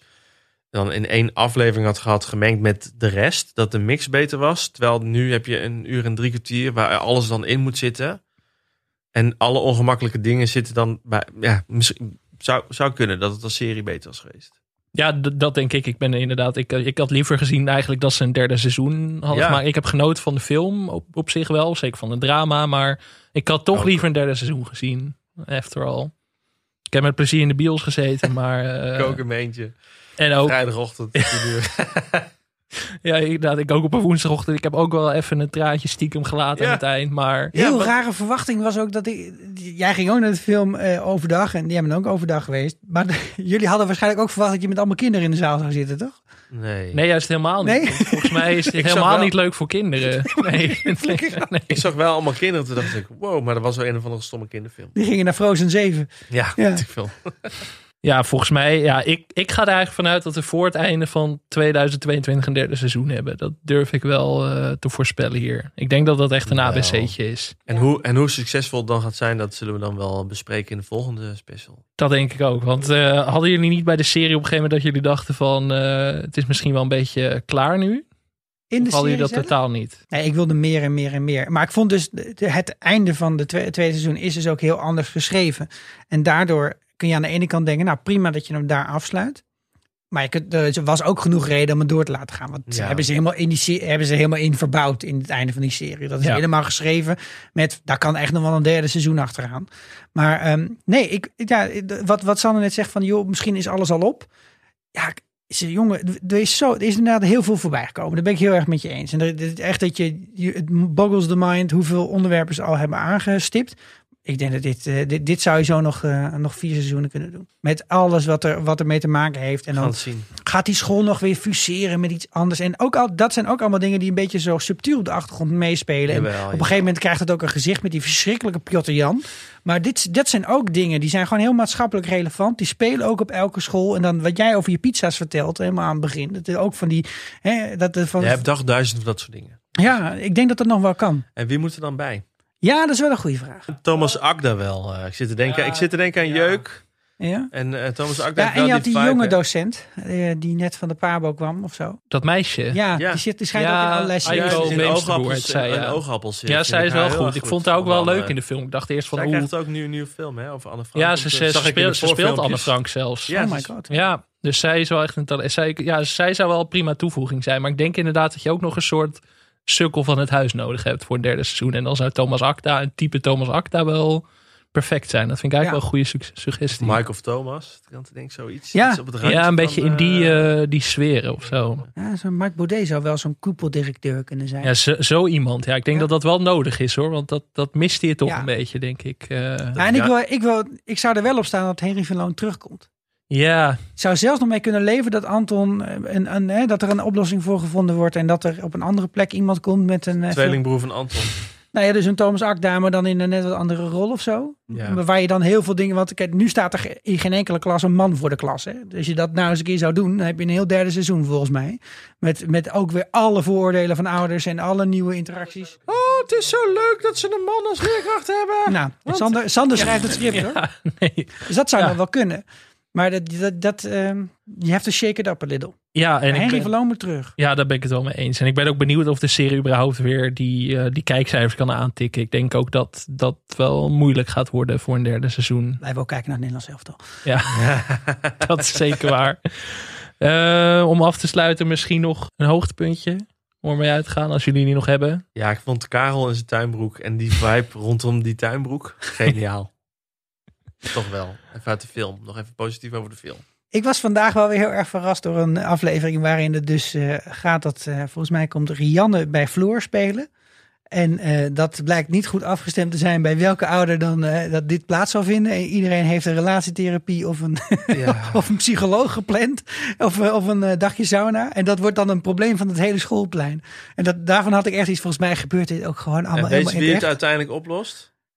De leerkracht. Want die heeft alle telefoonnummers die je aan niemand mag geven. Ja, Dus. dat vond ik ook wel echt een verrukkelijke, een verrukkelijke verhaallijn. Ja, ik, ik had eigenlijk ook het eind van seizoen 2 inderdaad met, eh, met het Koningslied dan eh, in aangepaste vorm. Daar, dat, dat, dat vond ik wel echt zo goed. En daardoor dacht ik ook van oké, misschien moet het hier gewoon wel stoppen. Dit is echt de perfecte Ja, afsluiten. En wat ik net al zei, dat momentje dat Helma optieven zegt tegen Nancy. Dat, dat, dat voelde ik zo diep. Dat was gewoon echt een, eh, toch wel een hoogtepuntje uit de film. Dan zijn we er wel doorheen, denk ik. Hè? Eh, twee seizoenen en een film. En een derde seizoen volgend jaar. Ik, eh, ik zou er zo 100 euro op in durven zetten. ik ga het niet doen, maar... Schrijf het in de notulen. De show notes, Sander. Nou, dan was dit de eerste crossover aflevering tussen televisie en de Vierkante Oogshow. Misschien eh, dat er nog een keer een gelegenheid komt om eh, Wie weet. Lijkt me over mooi. te stappen. Ja, nee, kijk, voor ons was dit dus te Nederlands en voor jullie was het eigenlijk te groot. En Ja, dus, eh, is- Ja, is te mainstream er eigenlijk. bij twee ja. mensen buiten de boot gevallen en Ja. eh, er ging nog een kanootje achteraan, die heeft hem opgepikt.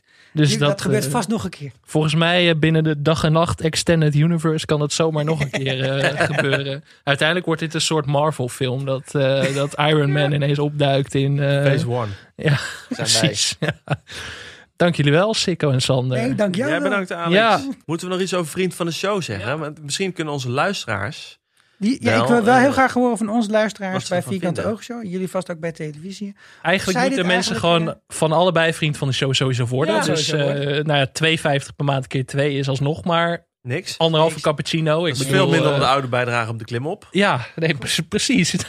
en je wilt liever vriend van de show zijn dat je, dan dat je kind op een basisschool zit. En, en ik kan me ook voorstellen dat mensen die beide shows luisteren, of een van de twee, die denken van, nou, er valt hier toch iets buiten de boot, dat, eh, dat moet opgepikt worden.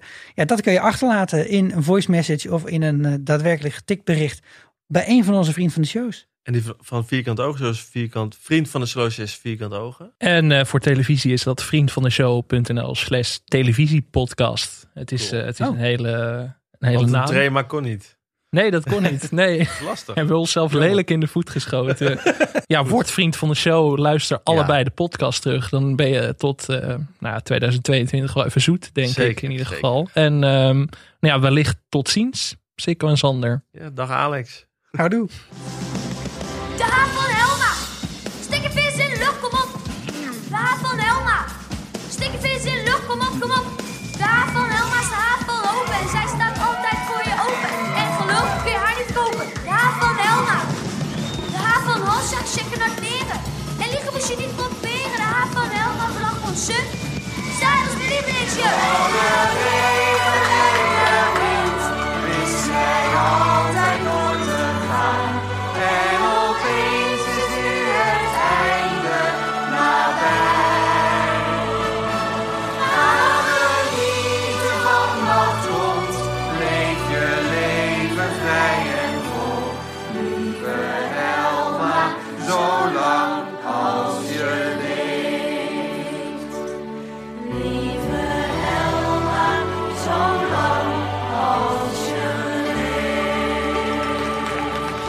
Moeten we nog een liedje zingen om het af te sluiten? We gaan weer beginnen.